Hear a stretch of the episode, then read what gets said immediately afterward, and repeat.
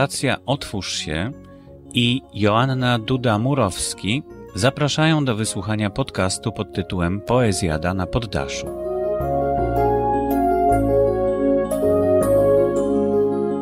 Witam na poddaszu po raz kolejny. Już nawet nie wiem, który raz. Poezjadę na poddaszu, czyli moich wspaniałych gości zgromadzonych tutaj i przygotowanych do dyskusji. Audycje Poezjada na poddaszu są tworzone ze wsparciem Fundacji Otwórz się. No, pomysł ja miałam, a realizacja techniczna audycji to jest Borys Kozielski, którego w tym momencie pozdrawiamy. I pomaga mu syn Bartek Kozielski. Serdecznie pozdrawiamy i dziękujemy, że za sprawą właśnie tych panów z Warszawy i tej fundacji nasze spotkania idą w eter i mogą jako podcast być ponad granicami słuchane. Także nasze poddasze unosi się do góry i dolatuje do każdego, kto ma ochotę tu z nami być, słuchając tej audycji później przetworzonej na właśnie przez radio na pod. Dzisiejszy temat 16 lutego zaczął się post, wy, wyszaleliśmy się w karnawale i dzisiejszy temat jest taki refleksyjny, bo rzuciłam hasło, żebyśmy pogawędzili o sumieniu. Czyli temat, tematem dzisiejszego spotkania jest sumienie. Sumienie, które można mieć, można nie mieć sumienia podobnoż. Jak pewien klasyk z naszego środowiska napisał mi, zacytuję, najlepiej pozbyć się sumienia i związanych z tym trudności. Także zacytowałam klasyka z naszego środowiska. Co jeszcze z sumieniem można robić? Można mieć wyrzuty sumienia. Sumienie może poruszyć, ruszyć może sumienie. Gryźć sumienie. Gryźć sumienie. Może boleć sumienie, że kogoś boli. Można zrobić rachunek sumienia. Można uśpić sumienie. Obudzić w sobie sumienie. Można mieć głębokie sumienie. Co jeszcze można? Można się zapytać swojego sumienia. Można, może do kogoś zapukać sumienie. Może kogoś męczyć sumienie. Myślę, że ten temat będzie o tyle ciekawy, że jak mówiliśmy tutaj o miłości, czyli sprawach sercowych, to serce było konkretnym organem. Natomiast czym jest w ogóle sumienie, skoro ono tyle rzeczy może z nami robić, wyczyniać? Słucham Was. Ja przeglądając internet trafiłem na, w temacie sumienia, trafiłem na taki mały traktat o sumieniu. Jest tego parę linijek, ale zacytuję to, co wydaje mi się jest najważniejsze. Nie wiadomo czym jest ni to organ, ni materii cząstka w morzu zamkniętej cielesności. To wszakże nawet nie chemiczny składnik fabryce mikroelementów organizmu. Bez względu na to, czym jest sumienie, dobrze, że ono jest. I dobrze, że jest. Bowiem jego obecność nie pozwala zginąć. Niewidoczna siła sumienia przewyższa siłę armii. To tyle tytułem wstępu. Dalej oczywiście jeszcze jest wiele, wiele linijek poświęconych temu sumieniu, ale tak jak mówię, tylko na krótko udaje się na przykład je zagłuszyć. To tyle tytułem wstępu do Myślisz, sumienia. że tylko na krótko? Tak napisał autor tego, co A cytuję. jakie to źródło? To ten ksiądz napisał to. Ksiądz ma łatwo zagłuszyć sumienie na dłuż. To jego I rachunek sumienia sobie zrobić. zależy, kto- tak. A w nas, kochani, jeden dla drugiego może ułatwić sprawę. Ale jeśli tutaj autor napisał, że nie wiadomo czym jest ni to organ, ni to materii cząstka w morzu zamkniętej cielesności. Materii, jak jeszcze raz? Cielesności. A Ni to organ. Marku, ni to organ, ni materii cząstka w morzu zamkniętej cielesności. Ja bym protestował przeciwko każdemu słowu, które zostały tam użyte. Dlaczego materii cząstka, dlaczego w cielesności zamknięte? w morzu cielesności. Morzu W morzu cielesności. zamkniętej Ale cielesności. on napisał ni to. Ni to. Ni to. ale- Ni to organ, ni materii No cząstka ale to, Morzu to albo organ, albo Tak. materii cząstka. No, to, to, to ja nie wiem, czy sumienie jest jakimś organem. Czy ono w ogóle jest co to w O, ogóle właśnie- jest sumienie. właśnie, co to w ogóle jest Mówimy, sumienie? czym ono jest, y, czy się pojawia, czy jest, czy da się zagłuszyć, ale y, to, co to jest w ogóle? Ale ja cytowałem, Marku, No. pierwsze słowo. Nie wiadomo, czym jest. No, ale wszyscy na nie powołujemy i chcemy o tym rozmawiać. Tak. Czyli musimy coś wiedzieć na ten temat. Mało tego, Co że się na nie powołujemy, ale zgodzicie się ze mną, że ono z nami wyczynia różne. Kto z Was pokusiłby się o jakąś definicję, co to jest sumienie? Mogę ja coś na ten Dawaj temat? Krzysiu, no. Taką teorię, taką tezę po prostu puszczę w eter. Może sumienie to jest y, coś bazujące na emocjach człowieka. Na emocjach człowieka można zawsze naj, najlepiej zagrać i jest czymś po prostu, na co człowiek reaguje w pewien określony sposób. Powiem to na temat na przykład zakochania, jak może być. Człowiek widzi, obojętnie on czy ona kogoś, w kim się zakochuje, tylko to zakochanie w tej osobie działa najpierw wzrokowo, odbieramy pewne bodźce wzrokowe, Zmysłami. Zmysł bodźce wzrokowe to idzie w mózg, mózg to przerabia na odpowiednie organy w ciele, mamy element zakochania. Tak samo może funkcjonować element sumienia. Sumienie nas gryzie, bo na razie to, cośmy powiedzieli, to jest wszystko negatywne o sumieniu. Ono nas gryzie, boli, czy to robi, każe nam coś y, robić, bośmy coś źle zrobili. O, I to jest pozytywne. Co jest pozytywne? Czyli pomaga nam sumienie wybrać między dobrym Nie, a ono, złem. no, moim zdaniem to sumienie okazuje, y, czyni człowieka słabym. Nie, ja uważam, że dzięki temu, że mamy sumienie i zwracam się do tych, którzy w ogóle mają sumienie, bo są podobnoż tacy, którzy są bez sumienia. Mówi To się, ja ty, ty, chyba, ty chyba nie masz sumienia, się mówi e, na przykład, ale uważam, że e, to nie my działamy sumieniem, tylko to sumienie na nas, nam pomaga i chyba główną funkcją sumienia, czy, czyli potrzebną, rozróżnianie dobra i zła. Że my wiemy, No czujemy, co jest dobre, a złe. I to, to, nam pomaga sumienie w tym. Dla każdego innego. Bo na przykład Dla każdego no inaczej. weźmy, sobie, weźmy sobie polityka, nie? No taki, który wiadomo, polityk musi coś no, z tego budżetu do siebie wyciągnąć.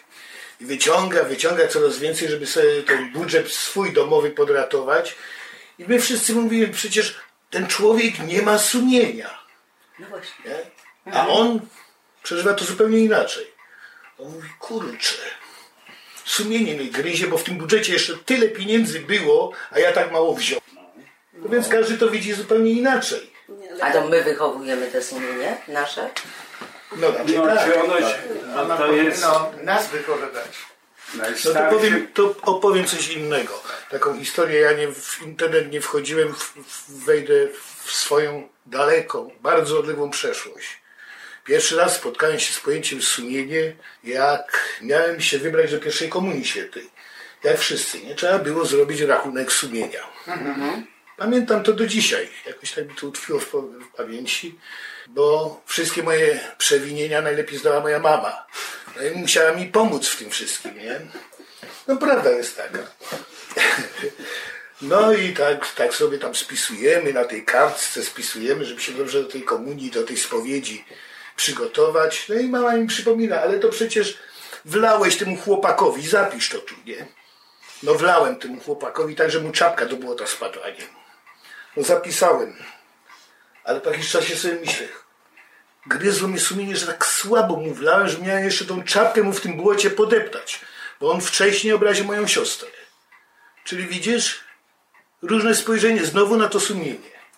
Ale tu była mama twoim sumieniem. Nie, ksiądz. Nie, nie wolno nikogo uderzyć. Tak, ale mama przykład przypominała jako nie, sumienie, nie wolno nikomu czapki zrzucić. Nie? Tak nam się wmawia cały czas. Ale właśnie No, wiesz, a dlatego to ja chciałam No powiedzieć, widać, niekiedy trzeba.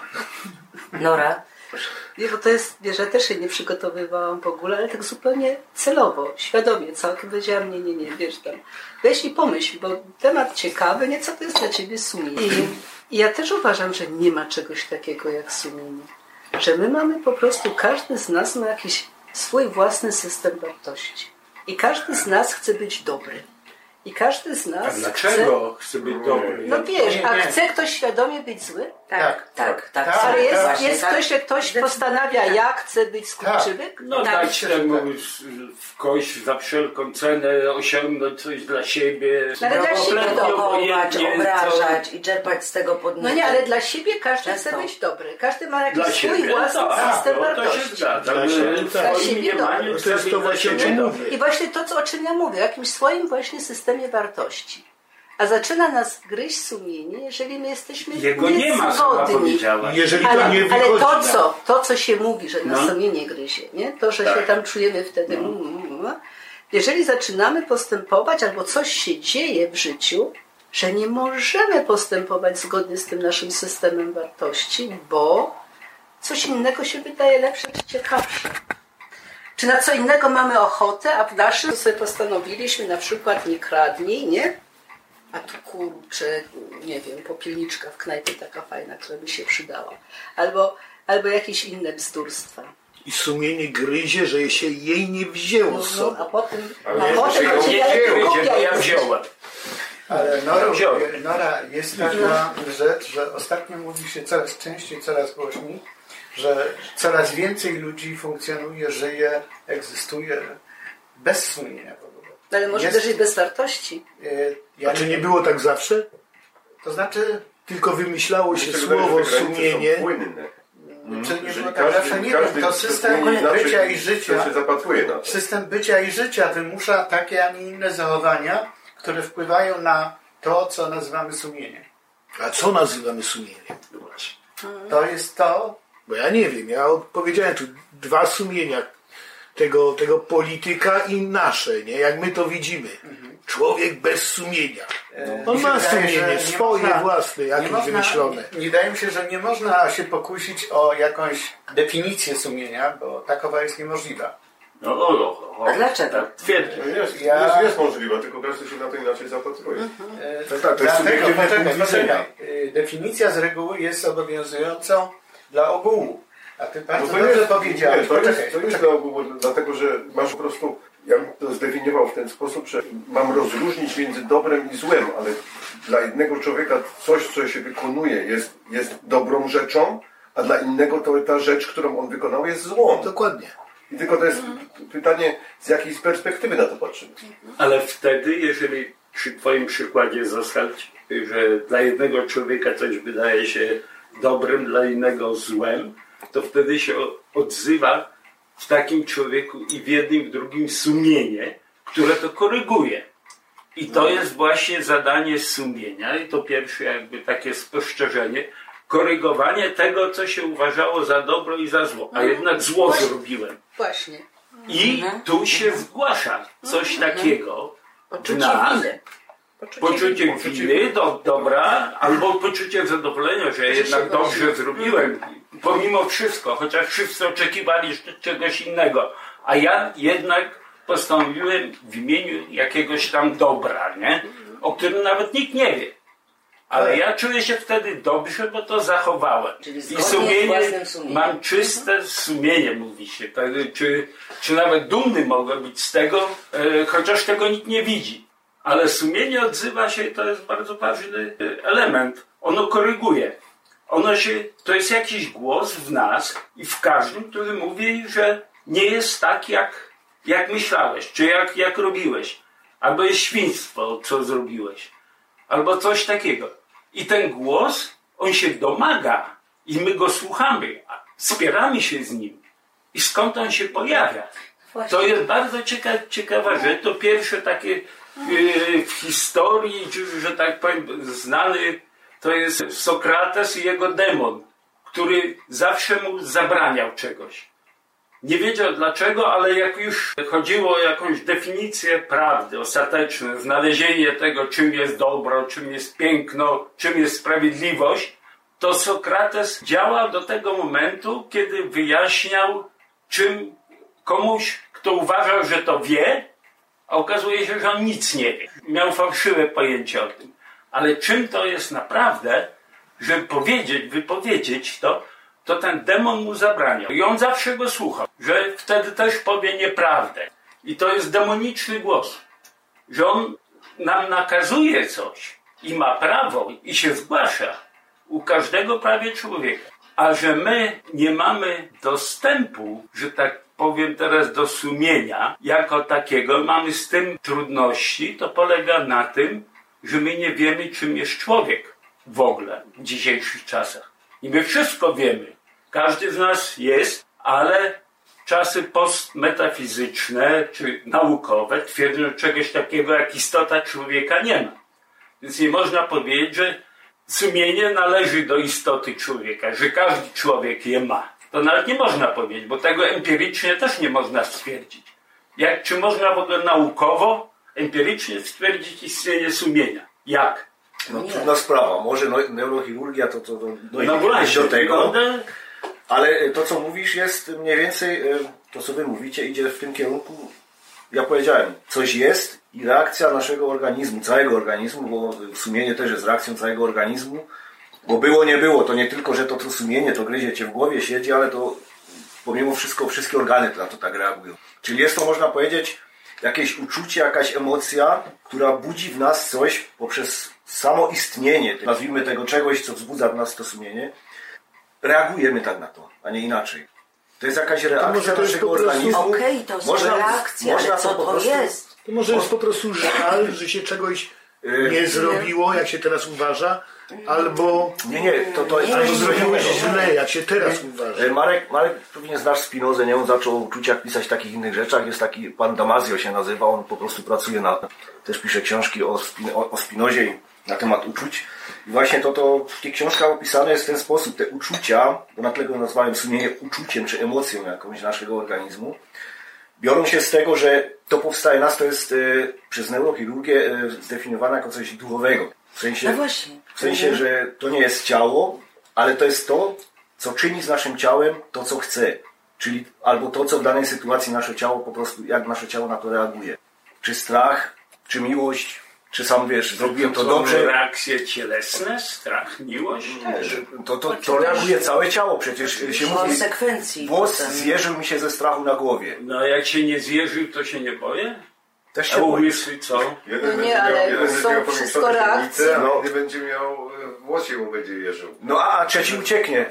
Nie, Pobije No, e, I Speed obchodzenie się ze nie? strachem y, to jest pewna cnota czy właściwość duszy, która w odpowiedni sposób reaguje. Albo i to, to są, należy do etycznych cnót, jak to klasycy greccy mówili, które może być tchórzostwo, reakcja może być odwaga, nie? Tak.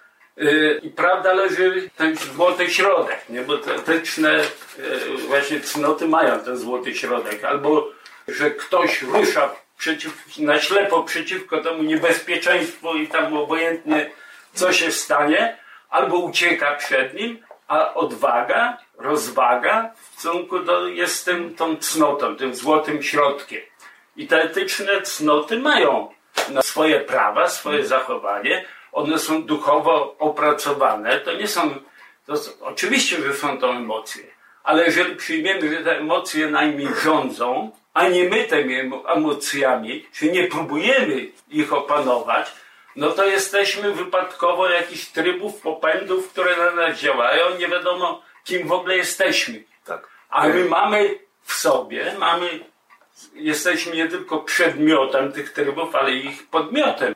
One są naszymi przeżyciami i ja mogę nad nimi też i panować. I do tego też sumienie też ma coś do powiedzenia, czy uległem jakimś, biorę piątą szklankę piwa, Czyli y, o wina, bohaterstwie, o strachu. Mam ochotę uciekać, ale się przełamię, zostanę, będę bardziej. I tutaj mi tak, na coś przykład mi mówi, że Między dobrem a złem to właśnie No, tutaj tu- jest tu mnie, mnie się wydaje, że Ja y, zacytuję jeszcze fragment tego, co zacząłem. Akurat wtrąca idealnie w to, o czym mówiłaś przed chwilą.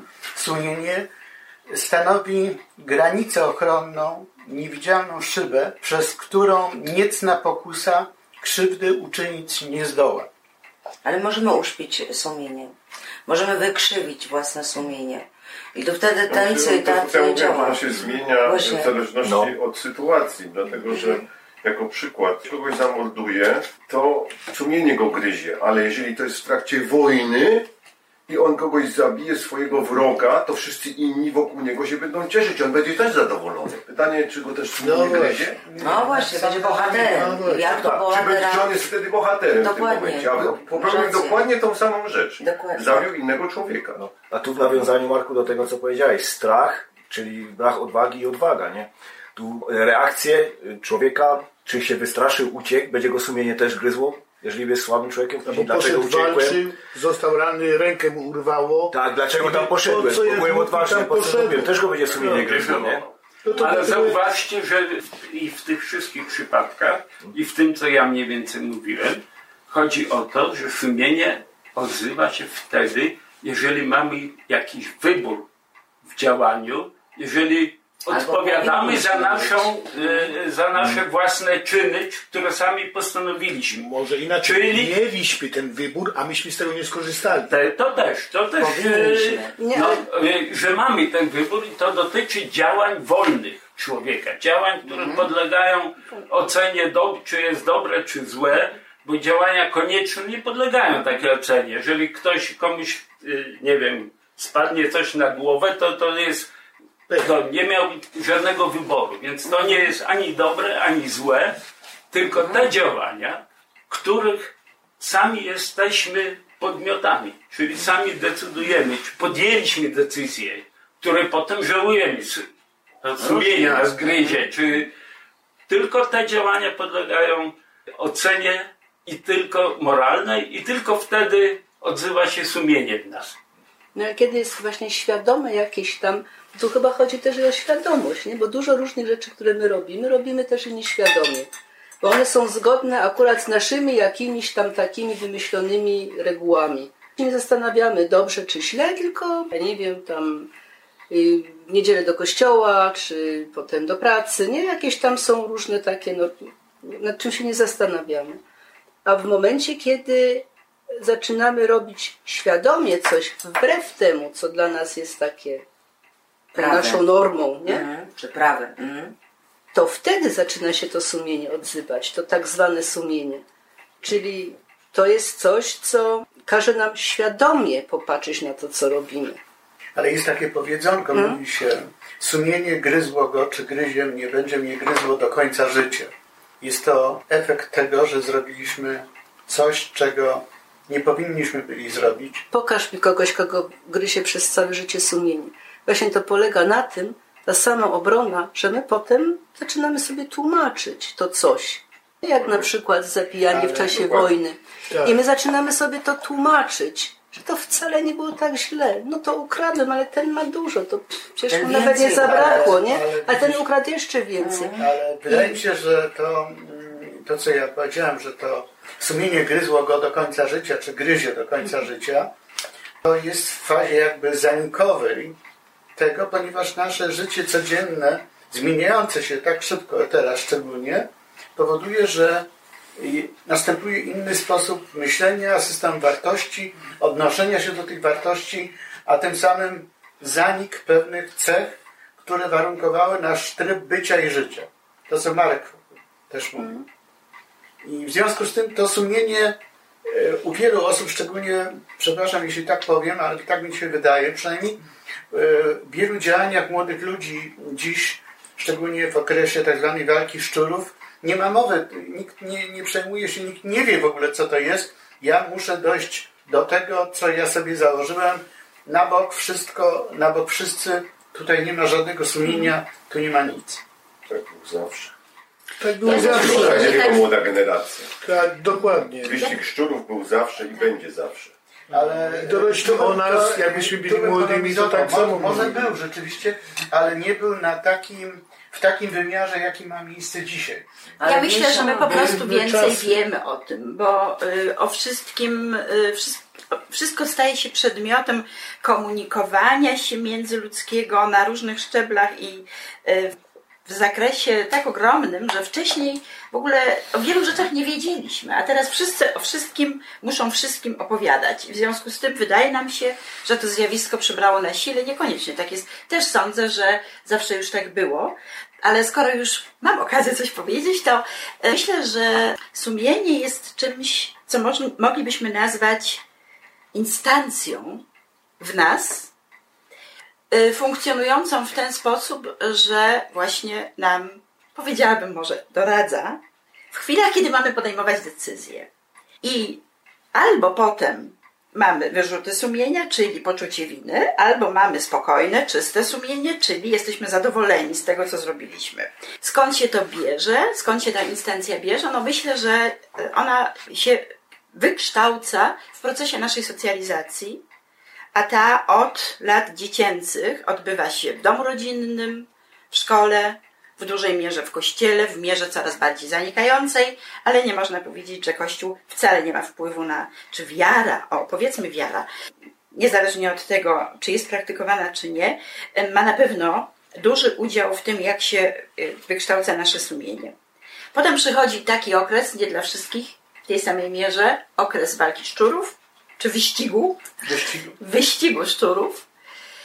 I ja myślę, że na tym się nie kończy, bo w trakcie naszego życia, w trakcie tego, jak, jakie, jakie doświadczenia zbieramy, czy powiem tak, kiedy już jesteśmy dojrzałymi ludźmi, to my znowu zaczynamy doceniać to sumienie, zaczynamy go szukać, zaczynamy go cenić coraz bardziej.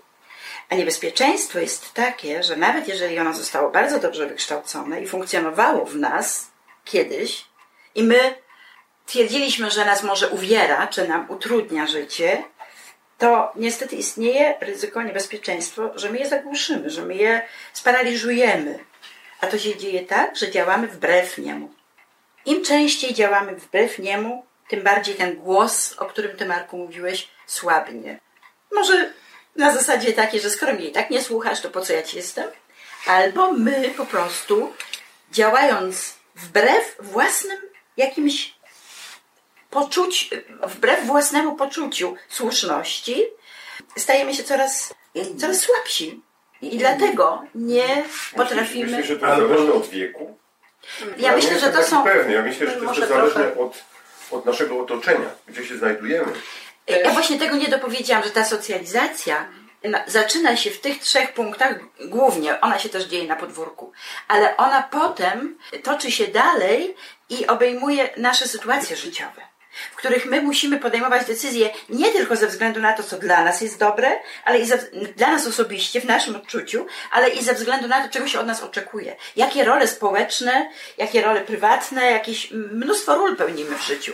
I jakie są oczekiwania wobec nas. To również jest socjalizacja, która ma wpływ na to, czy to tak zwane sumienie w nas Ale myślę, że to jest niezależne od wieku. E, Też. Pewnie tak. Chociaż Nie rozwienia, pytanie, to czy mówię. dzieci mają sumienie. Oczywiście, że mają. Ale Mają. od dojrzałości człowieka, tak? Dzieci mają, dzieci wiedzą, czy coś było dobre, co zrobiły, czy nie. E, nie, one reagują w jakiś sposób, bo to nawet by zaprzeczało temu, Jakie co dzieci? W mówiłaś. jakim wieku? E, No, na przykład moja wnuczka chyba sumienia nie ma jeszcze, bo robi wszystko tak, jak jej No, ale podoba. jeżeli na przykład jej coś upadnie i spadnie na przykład na No to jakieś, się na jakieś zwierzątko, mamy. nie, ale spadnie jakieś zwierzątko i zrobi temu zwierzątku krzywdę. Nie? Na przykład. To na Ale pewno to jestem, jest- jestem przekonana, że będzie, Ale to będzie nie jest wtedy sumienie. Czy ona przykro. czuje głos sumienia? To jest, czy to, co to jest? Kiedy on się odzywa? Bo to, sądzisz, że- to jest bardzo, bardzo dobry przykład. Do sumienia trzeba dojrzeć. Dojść. Poczekaj, bo jesteśmy od I sumienie musi urosnąć, że tak powiem, i dojrzeć. Sumienie musi w nas się pojawić. Ono musi czegoś dotyczyć. Ono mówi, że powiedzmy tak grubsza i i pobieżnie, że dotyczy jakiegoś ideału, którego nie spełniliśmy, powiedzmy tak z, z grubsza kompletnie. Ale ten ideał to musi już być jakoś. Musi, musi być. On może być e, wykształcony przez społeczeństwo w jaki sposób, ale to wtedy reagujemy na, na to społeczeństwo, co ono tam od nas wymaga i patrzymy, czy zostaniemy za to ukarani, czy pochwaleni. To nie jest sumienie. To jest dostosowanie się do tego. Głos sumienia wtedy odzywa się w nas, kiedy jakieś coś lepszego od nas, to lepsze nasze ja, odzywa się w stosunku do tego ja, za którym się ja, ja sam uważam. To jest drugie ja. Jeszcze wyższe ja. Bo ono mówi do mnie, on mówi moim głosem, nie powinieneś to robić. Ty źle zrobiłeś, do mnie mówi. Czyli to jesteśmy, i to jest y, z taką tą ontologiczną strukturą w ogóle człowieka. Ja myślę siebie. Czy ja mam, czy ja mogę w ogóle myśleć siebie? O sobie. Przecież ja jestem tą, tym, który myśli i o którym myślę. Jestem podmiotem i przedmiotem. I ten myślący, który myśli, wymyka się temu przedmiotowi, o którym ja myślę. To jest, są dwa przedmioty. I to myślące ja, które myśli o, o mnie, to ono, to jego głos jest. Tego myślącego, które, który zawsze jakoś ponad to, co ja myślę o sobie, wznosi się zawsze, bo ono jest, bo ono myśli. A ja jestem tylko tym myślanym przedmiotem. Jak my o sobie mówimy, co ja o sobie opowiem, to i tak nikt nie uwierzy. I to powiem, nie, to nie jest on zupełnie.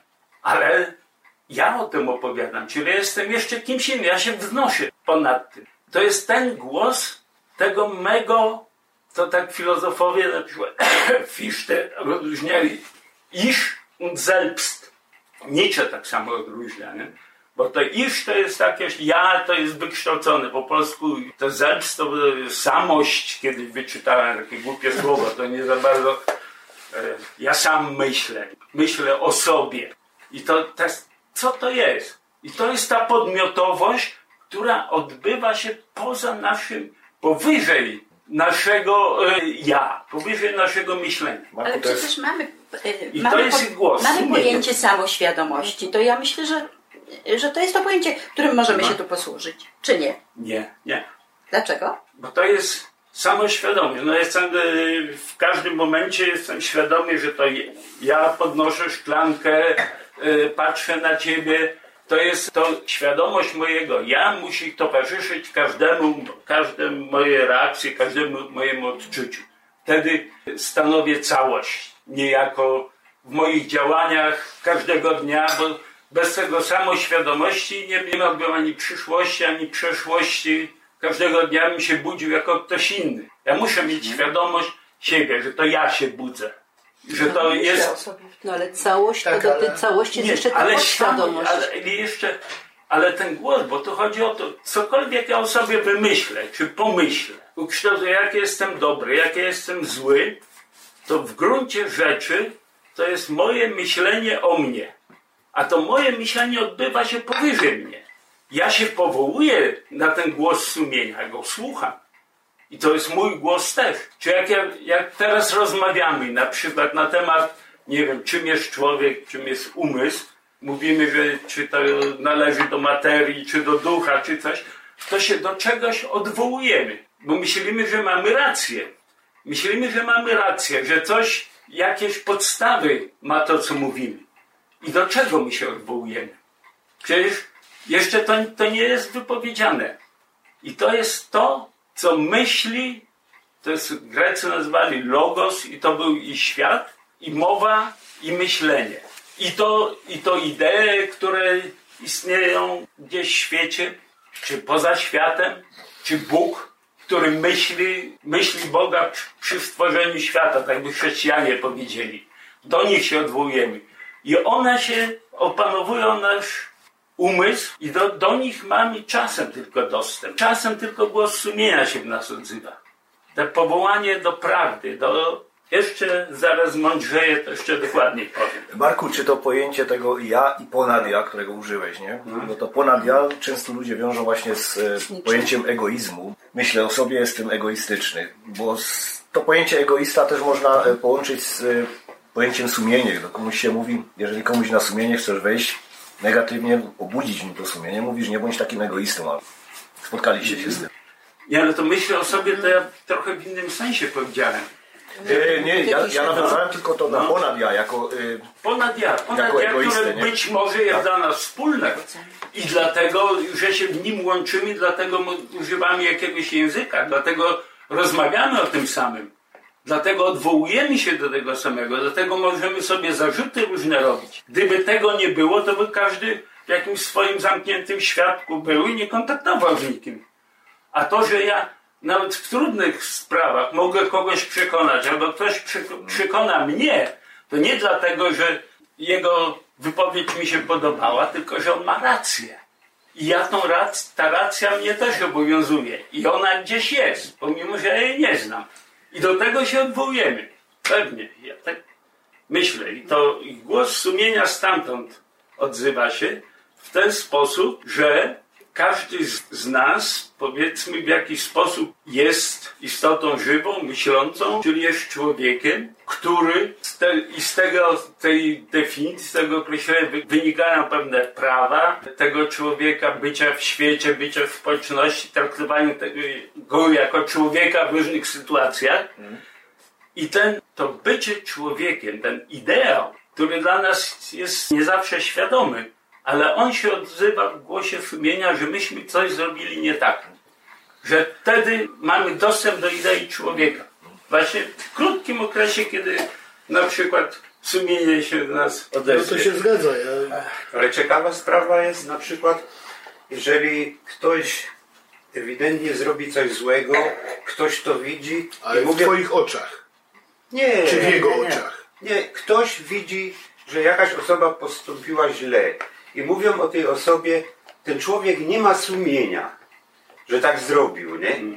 A znowu z drugiej strony taki przykład jest, że komuś każą zabić kurę, a ten człowiek mówi, ale ja nie mam sumienia zabić tej kury, nie? I to jest takie i tak źle, i tak źle, nie? Ale zjeść ją ma potem sumienie. Tak, ale Marku jest Mój kwestia... przypadek, mój przypadek. przykład. Marku, ale się- jest kwestia, e, jeśli chodzi o sumienie, pytanie, czy, czy ludzie je mają, czy mają nie zawsze. Weźmy przykład ogrom zbrodni, przykładowo popełnionych w czasie trwania państwa pod tytułem Trzecia Rzesza. I nie dalej jak wczoraj oglądałem film poświęcony jednemu z bohaterów tego okresu, panu Szperowi, ministrowi zbrojenia i tak dalej, kiedy on siedzi w więzieniu i on nie ma żadnych wyrzutów sumienia. To nie o to chodzi, on się nie tłumaczył tak jak inni, że ja wykonywałem rozkaz, więc nie mogę mieć wyrzutów sumienia. On nie wykonywał żadnych rozkazów, niczyich praktycznie, poza sugestiami swojego wodza, żeby przebudowywać na modłę i rzymską i tak dalej, ale on się czuł zupełnie niewinny i on mówi nagle, nie mam wyrzutów sumienia, nie mam powodów najmniejszych, żeby mieć jakikolwiek wyrzut sumienia. Serce się Mają inne ręce łamie. niż, y, niż inni. To Ale on jest, tak to mówi. jest ważny aspekt. Ale to jest, to jest może tylko ten przypadek, że on w stosunku do tej historii, do II wojny światowej, jemu, jego sumienie jest czyste. Ale nie jest powiedziane może, że gdyby się coś zdarzyło, Ale może tylko tak Jak mówił. czysto. Dla prasy, Ale to dla... można, można taki czegoś- sam y, dobry przykład dać No. zbrodniarzy stalinowskich. Też, Też. nikt nie miał wyrzutów sumienia. tak, to zależy właśnie do, do jakiego Od punktu ideału człowieka, że tak powiem, odnosi się to, to najwyższy, ten najwyższy No właśnie, głos sumienia, że najwyższym ideałem jest trzecia Rzesza, czy rasa, czy tam człowiek, dyktatura proletariatu i państwo przyszłości, nie wiadomo co, to te, ten najwyższy ideał, to najwyższe do czego się odnosi. Sumienie jest ten głos najwyższego. I dlatego religijnie głos Boga w nas nazywają. Głos absolutny, który, do którego mi się odwołuje, który do nas mówi. Jeżeli tym najwyższym jest, nie wiem, Stalin, czy Hitler, czy ta wizja świata, to on w tej wizji świata y, nie może mieć wyrzutów sumienia, on jest konsekwentny. On służył tylko idei, sprawie, której, której tam działa. A moje pytanie, ja tam wspomniałem o naszym postmetafizycznym myśleniu, bo to się tak nazywa postmetafizyczne czasy, jesteśmy postmoderni, post tam, nie wiem, postfaktyczni nawet teraz jest, wszystko post, post i to czy, ja tak wspomniałem, czy w naszych czasach też może się odez- odezwać sumienie, tak naprawdę, głos sumienia w nas, nie jako tylko taka przeszkoda, ale głos, który nas do czegoś rzeczywiście nawołuje, w czasach, kiedy my nie wierzymy, że coś takiego jak istota człowieka jest. Kiedy wszystko post, wszystko rozpływa się i no, to jakiś głos taki indywidualny, no to coś mnie tam gryzie, ale w stosunku do czego ja mam odczuwać ten wyrzut sumienia? Jeżeli żyjemy w świecie, który rozpłynął się, który, który nie ma ideałów, który nie ma, no, którym wszystko jest empiryczne. Dlatego wspomniałem nauki empiryczne, które wszystko ustalają, co jest, co psychoanaliza, psychologia empiryczna, nie wiem, y, socjologia, wszystko inne. I tam nie ma i nie może być ideału, bo ideał jest nienaukowy. To, co jest, badamy to, co jest, a to, co jest, to można zważyć, zmierzyć, a sumienia się nie zważa, nie zmierza, ani ideału się nie zważy, czy, nie nasz, zmierzy. czy to są... I dlatego moja taka teza mi postawi, że my nie dorośliśmy w ogóle, żeby mieć sumienie w naszych czasach. Ale wiesz, ja ci... Jak, jak ci, jak przykład e, nazistów i przykład Ale Sowietów, który był drastyczny, a teraz u nas mamy, mamy łagodniejsze czasy. Czy możemy sobie Ale pozwolić? popatrz Marku, je, idziesz ulicą, nagle potrąca cię samochód, serca ci oczywiście tego nie życzę. Dziękuję. E, I kierowca odjeżdża, nie udziela pomocy i nigdzie się nie zgłasza, nie interesuje się tym wypadkiem, tą osobą, którą on potrącił. Świadomie czy Znaczy on się nieświadomie. interesuje, tylko boi. Boi się, ale czy nie odzywa się w nim, przepraszam, to o czym mówimy, głos sumienia? Przecież ja zrobiłem coś złego. Nie, nie odezwał się. Jeżeli pojechał, to, to I nie odezwie odezwał. się, on nigdy... Nie, nie, Nie, to, nie, nie. Nie na pewno wiadomo, nie ale to to jest po prostu... To my mówimy o czyimś sumieniu, a to, to ja, ja mam, ja jestem już w tym wieku, że już nie biegam tak, nie latam tak wysoko jak Marek, który teraz po, po, pofrunął. Ja staram się już wszystko uproszczać sobie. I tak uważam, że ja mam sumienie. Dla mnie sumienie to są moje odczucia i uważam, że każdy ma. Każdy ma. To jest uczucie zadowolenia, kiedy mi się coś uda. Co, co mi się, udało mi się coś zrobić. A sumienie daje Ale nie, zadowolenie? proszę, nie, nie, nie. proszę, ale ja powiem o swoim sumieniu, dobrze? Zadowolony, No. dobra. E, Śmiało. w każdym bądź razie udało mi się coś zrobić. Mam czyste sumienie. Tak jak to Irena powiedziała. Udało mi się tak perfekcyjnie zrobić. Wszyscy są zadowoleni, ja również. Tu znowu coś mi się nie udało. Nie wiem, syna źle wychowałem. Dobrze, no ale tak powiem, nie? Gryzie mnie sumienie, nie udało mi się to. To jest moje, jestem zły. To jest moje sumienie. Ja to tak określam. I tak mnie gryzie, że ja muszę sobie wódkę kupić i się napić. Sumienie by cię gryzło, jakbyś powiedział sobie, ja nie chciałem go, Ja chciałem go dobrze wychować, ale mi się nie udało. A to sumienie to... Nie, Nie udało mi się z jakiegoś, albo ja zająłem się swoją pracą, swoimi jakimiś sobą zainteresow- zainteresowaniami, zamiast więcej czasu poświęcić synowi. Przeszło. No. I gryzie, to jest moja złość, niezadowolenie. I uważam, każdy ma takie, tak już powiedziałem wcześniej, na samym początku, o tym polityku, który mógł wziąć jeszcze dla swojej rodziny tyle milionów z tego budżetu, a nie wziął. Jego sumienie gryzie, on jest zły. To są moje emocje, jego emocje, każdy ma swoje.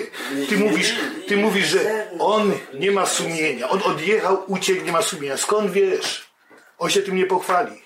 On Znaczy, w domu gdyby sam człowiek, sobie, wydaje- wydaje może z kolegami porozmawiał. Gdyby on miał sumienie, to on by wrócił, nawet gdyby to był szok, on by tak wrócił do tego, Nie wiadomo, co on zrobił potem. Może się powiesił, potrącił. Nie wiem, No. trudno mi odpowiedzieć na pytanie. sumienie dalej gryzie i może go dalej gryzie. Żeby To ty mówisz, że on nie miał sumienia. Tak jak mówi przysłowie, powiedzonko, przepraszam, że wrócił na miejsce wypadku. A i owszem, zgoda w tym wypadku. Ale i są, jest wiele osób... Wiedzonko Ale mówi, że wrócił na miejsce przestępstwa, a nie na miejsce E, wypadku. wypadku. Ale jak, na, na, Czyli nawet, jeżeli, być nawet jeżeli wrócił, to winy. dlaczego on wrócił? No, Miał poczucie winy. Winy, tak. Tak. Coś go No, gryzło. no sumienie go. No Tak. właśnie. Wiecie co, to, że No. sumienie jest, najlepszym dowodem na to jest to, że ja z tego dobrze żyję, nie? Bo cała moja praca polega na tym, że ludzie mają konflikt. Przydaje sumienie, czy... No prawie, że nie, ale że ludzie mają konflikt między emocjami, między tym swoimi takimi, jak ja to po niemiecku nazywam, unhinterfragte Prinzipien, a, a świadomością, czyli tym takim narzuconymi, narzuconym systemem wartości, na tym takim, co jest dobre, co jest złe, co mówi Kościół, co mówi środowisko, w którym się żyje, y, rodzina, w której się wychowaliśmy, nie? Czyli to takie, oczywiście, to co nam mówi, że jest dobre i co jest złe i naszymi własnymi potrzebami, naszymi własnymi emocjami, które się czasami zupełnie z tym nie zgadzają.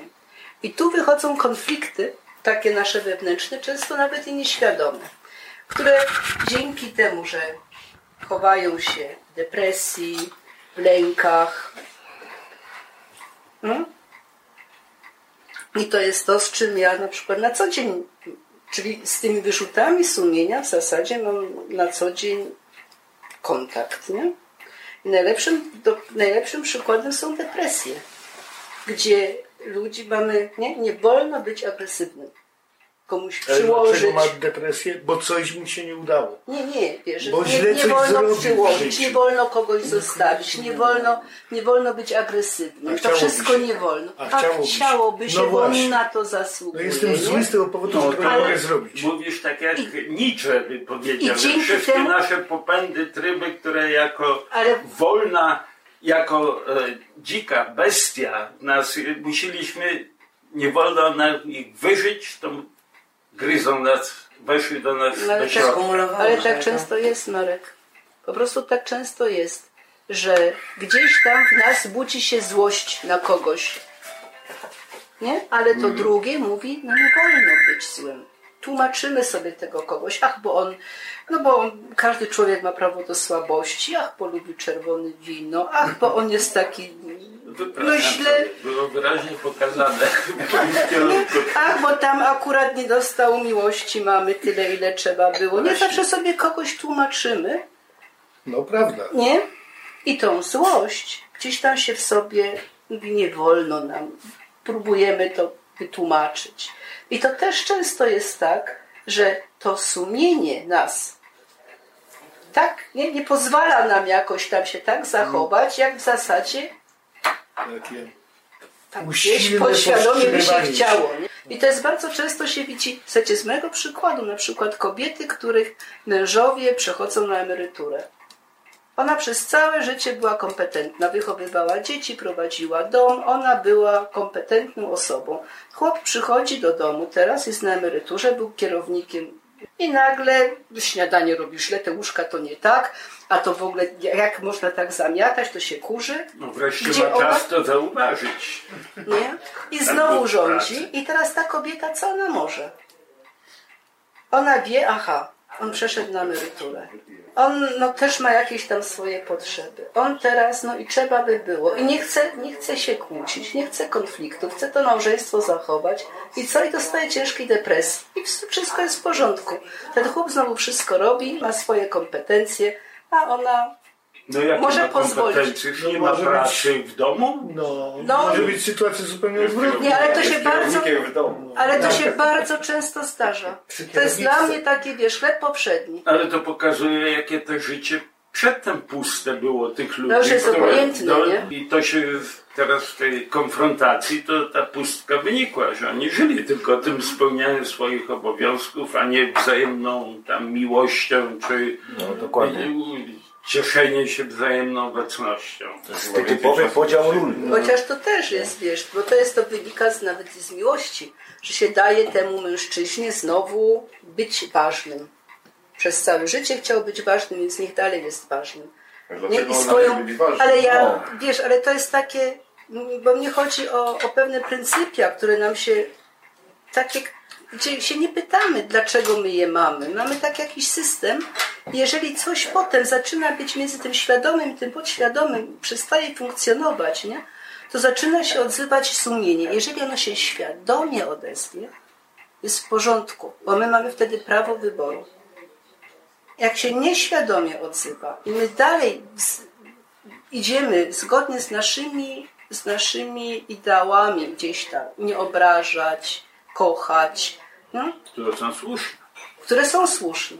Ale on ją w tym momencie Tylko, że własnym kosztem, nie? Znaczy się, kwestia, kwestia polega na tym, znam taki, nie wiem czy można nazwać to ciekawym, ale jest to przypadek życia wzięty, którego dotknąłem sam osobiście przed laty. Otóż wylądowałem w areszcie nie jako sprawca czegoś tam, tylko e, na rozmowę z człowiekiem, młodym człowiekiem, 19-letnim uczniem ostatniej klasy liceum, który miał iść na kierunek filozofii Katolickiego Uniwersytetu, który w ciągu dwóch godzin zabił swoich własnych rodziców. Ten młody chłopak, inteligentny, nie miał żadnych, totalnie żadnych wyrzutów sumienia. Ja spędziłem z nim wiele godzin w celi i rozmawiałem z nim, próbując dojść do tego, dlaczego on to w ogóle zrobił. To była sytuacja kuriozalna, ale nie o tym chciałem mówić. Bo kuriozum w całej tej sprawie polegało na tym, że on po zabiciu rodziców ukradł im wiedział, gdzie ci rodzice bardzo zamożni przesunęli swoje oszczędności, tam było kilkaset tysięcy złotych, to były trochę dawne czasy, bardzo dużo pieniędzy i 30 tysięcy dolarów. I on nagle wynajmuje pokój ekskluzywny na bardzo wysokim poziomie, wspaniałym hotelu. Zaczyna rządzić, zaczyna pić wódkę, zaczyna szaleć, yy, sprowadzać sobie panienki, bo on ma pieniądze. On zresztą, na, i co najważniejsze, on to wszystko nagrywał. Każde swoje słowo, każde działanie, wszystko było nagrywane. I pamiętam y, historię, kiedy on mówi, no, przyszły dziewczyny, zapłaciłem im, nie wiedzą, że zapłaciłem im krwawymi pieniędzmi. Jest bez wyrzutów sumienia. I nagle się dzieje coś takiego, że on trzeźwieje i to był ósmy dzień od momentu zabicia własnych rodziców. On się zgłasza sam na komendę policji, mówi proszę, zgłaszam się pod tym, pod tym adresem na ulicy, leżą moi zabici rodzice, ja to uczyniłem. No, ponieważ to był bardzo drobny chłopczyk, ten policjant popatrzył na niego z przymrużeniem oka i idź durniu do domu, a nie opowiadaj mi tu bzdury. Się proszę mnie posłuchać, ja zabiłem rodziców zwłoki na tej ulicy i za trzecim podejściem wreszcie policjant zadzwonił do pojechała ekipa i tak dalej, i tak dalej. To nie jest istotne, ale te 8 dni, które on spędził na zabawie, szaleństwie, pijaństwie i nagle następuje moment otrzeźwienia i on idzie, podjął decyzję, idę na policję. Ja się go pytałem, co spowodowało? Nie mogłem dłużej wytrzymać. Nie mogłem dłużej wytrzymać. Odezwało się w nim to... Ale gdzie, jak przy mordowaniu rodziców nie mógł dłużej wytrzymać, czy... Nie, nie, już nie. Po tym ósmym dniu, kiedy on przestał pić, przestał się zadawać No, ale to jest przynajmniej chyba sprawa zaczął do świadomie, nie? psychiatrów on- bardziej, nie? Nie, nie, on Mogę dostał... zapytać, jaka była Twoja rola podczas tych e, wielogodzinnych rozmów e, Ja- z nim w, w jego Już, celi więziennej? Ja dostałem zlecenie Napisanie Zrobienie- artykułu prasowego? Nie, nie, ja zrobiłem. Mm, Dostałem zlecenie z z zrobienia półgodzinnego reportażu, bo to była sensacja w ogóle. I przygotowywałem się i zdjęcia miałem i teraz odpowiem Ci, jakie, jaka była kuriozalna sytuacja. Zdjęcia, bo musiałem dostać zgodę y, łącznie z ministerstwa, bo to areszt. I, i zdjęcia wyznaczyliśmy, nie mieliśmy zacząć, zaczął się stan wojenny i nigdy do tej sprawy już niestety nie mogłem wrócić. On dostał 25 lat, ale jeszcze kuriozalne było w tym wszystkim to, że cała klasa, bo spotkałem się wbrew y, zaleceniom pani prokurator, spotkałem się z przedstawicielami klasy i oni się poskładali, wszyscy skład, poskładali się, kto ile mógł, na adwokata, żeby ten bronił tego mordercy. Ja wiem, gdzież wasze sumienie, ludzie młodzi, no przecież jak wy możecie padać się na obronę mordercy? Nic nie padło ani jedno słowo. No, morderca też ma prawo do obrony. Ale Wiem, dostaje oczywiście. e, obrońcę z urzędu, nikt nie musi się składać na... Nie, oni Nie tak wiadomo, co do tego sprowokowało. To jest, wiesz, to jest Ale temat nie, ja dla mówię psychiatrów, kwestia, dla... nie kwestia Ale tego, że on nie tak- wytrzymał w tym ósmym dniu. Pomimo tego, że jeszcze miał bardzo dużo pieniędzy, miał i towarzystwo damskie. dlaczego potępiasz tych młodych ludzi, którzy chcieli... No, chcieli znaczy ja ich nie rozumiem. Ja ich nie rozumiem, Mogę zrozumieć. y, bo tak jak ty powiedziałaś bardzo słusznie, nawet gdyby on nie miał pieniędzy, to on by dostał obrońcę z urzędu. Tu nie było mowy o tym, żeby on nie był broniony. Ja jestem bardzo ciekawa, jak Jarek e, tą wersję, że potrafi zrozumieć tych młodych ludzi. Nie, bo pytanie jest, z jakiego powodu on to wykonał. Dlaczego No właśnie, ci młodzi ludzie mają, sentencji. ma ich gryźć sumienie. Bo tyś mi powiedział, czy nie gryzie was sumienie, że wy chcecie pomóc mordercy. Tak. Oni na to się zupełnie z innej perspektywy patrzyli. On był ich przyjacielem i oni mu chcieli w jakiś sposób pomóc, bez względu na to, co on wykonał. Ja uważam, że to jest yy, bardzo dobre podejście do życia.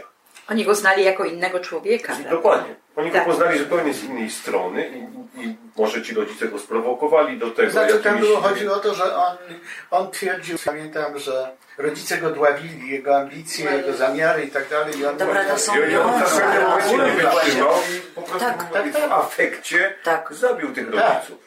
On w afekcie ich zabił. I pytanie jest, czy jako przyjaciel, wiedząc, że mój inny przyjaciel zamordował tam kogoś, nie miał Znaczy znaczy ci sumienie, bo ja mu chcę pomóc. Ale ci młodzi Bo ja ludzie z już, innych ludzi, z innej e, jak ja z nim rozmawiałem, oni już wiedzieli, że to jest, jaki był motyw tego morderstwa i chociaż I on motywu nie znali. I zna, już wiedzieli, już wiedzieli, jak jest Nie motywu nikt nie wiedział. Tak. Osądzili Dlaczego on to wykonał, dlaczego on to wykonał, to tego nie wiadomo.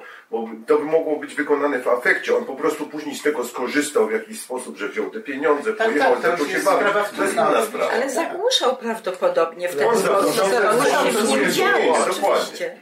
I Chciał tylko uciec przez od 8 tej dni sytuacji, zdołał to Dlatego wyjechał w ogóle z tej, z tej miejscowości, dlatego to, ale po pewnym czasie może się skończyło, może nie miał ochoty na większą zabawę i dlatego zaczął go gryźć te sumienie Mhm.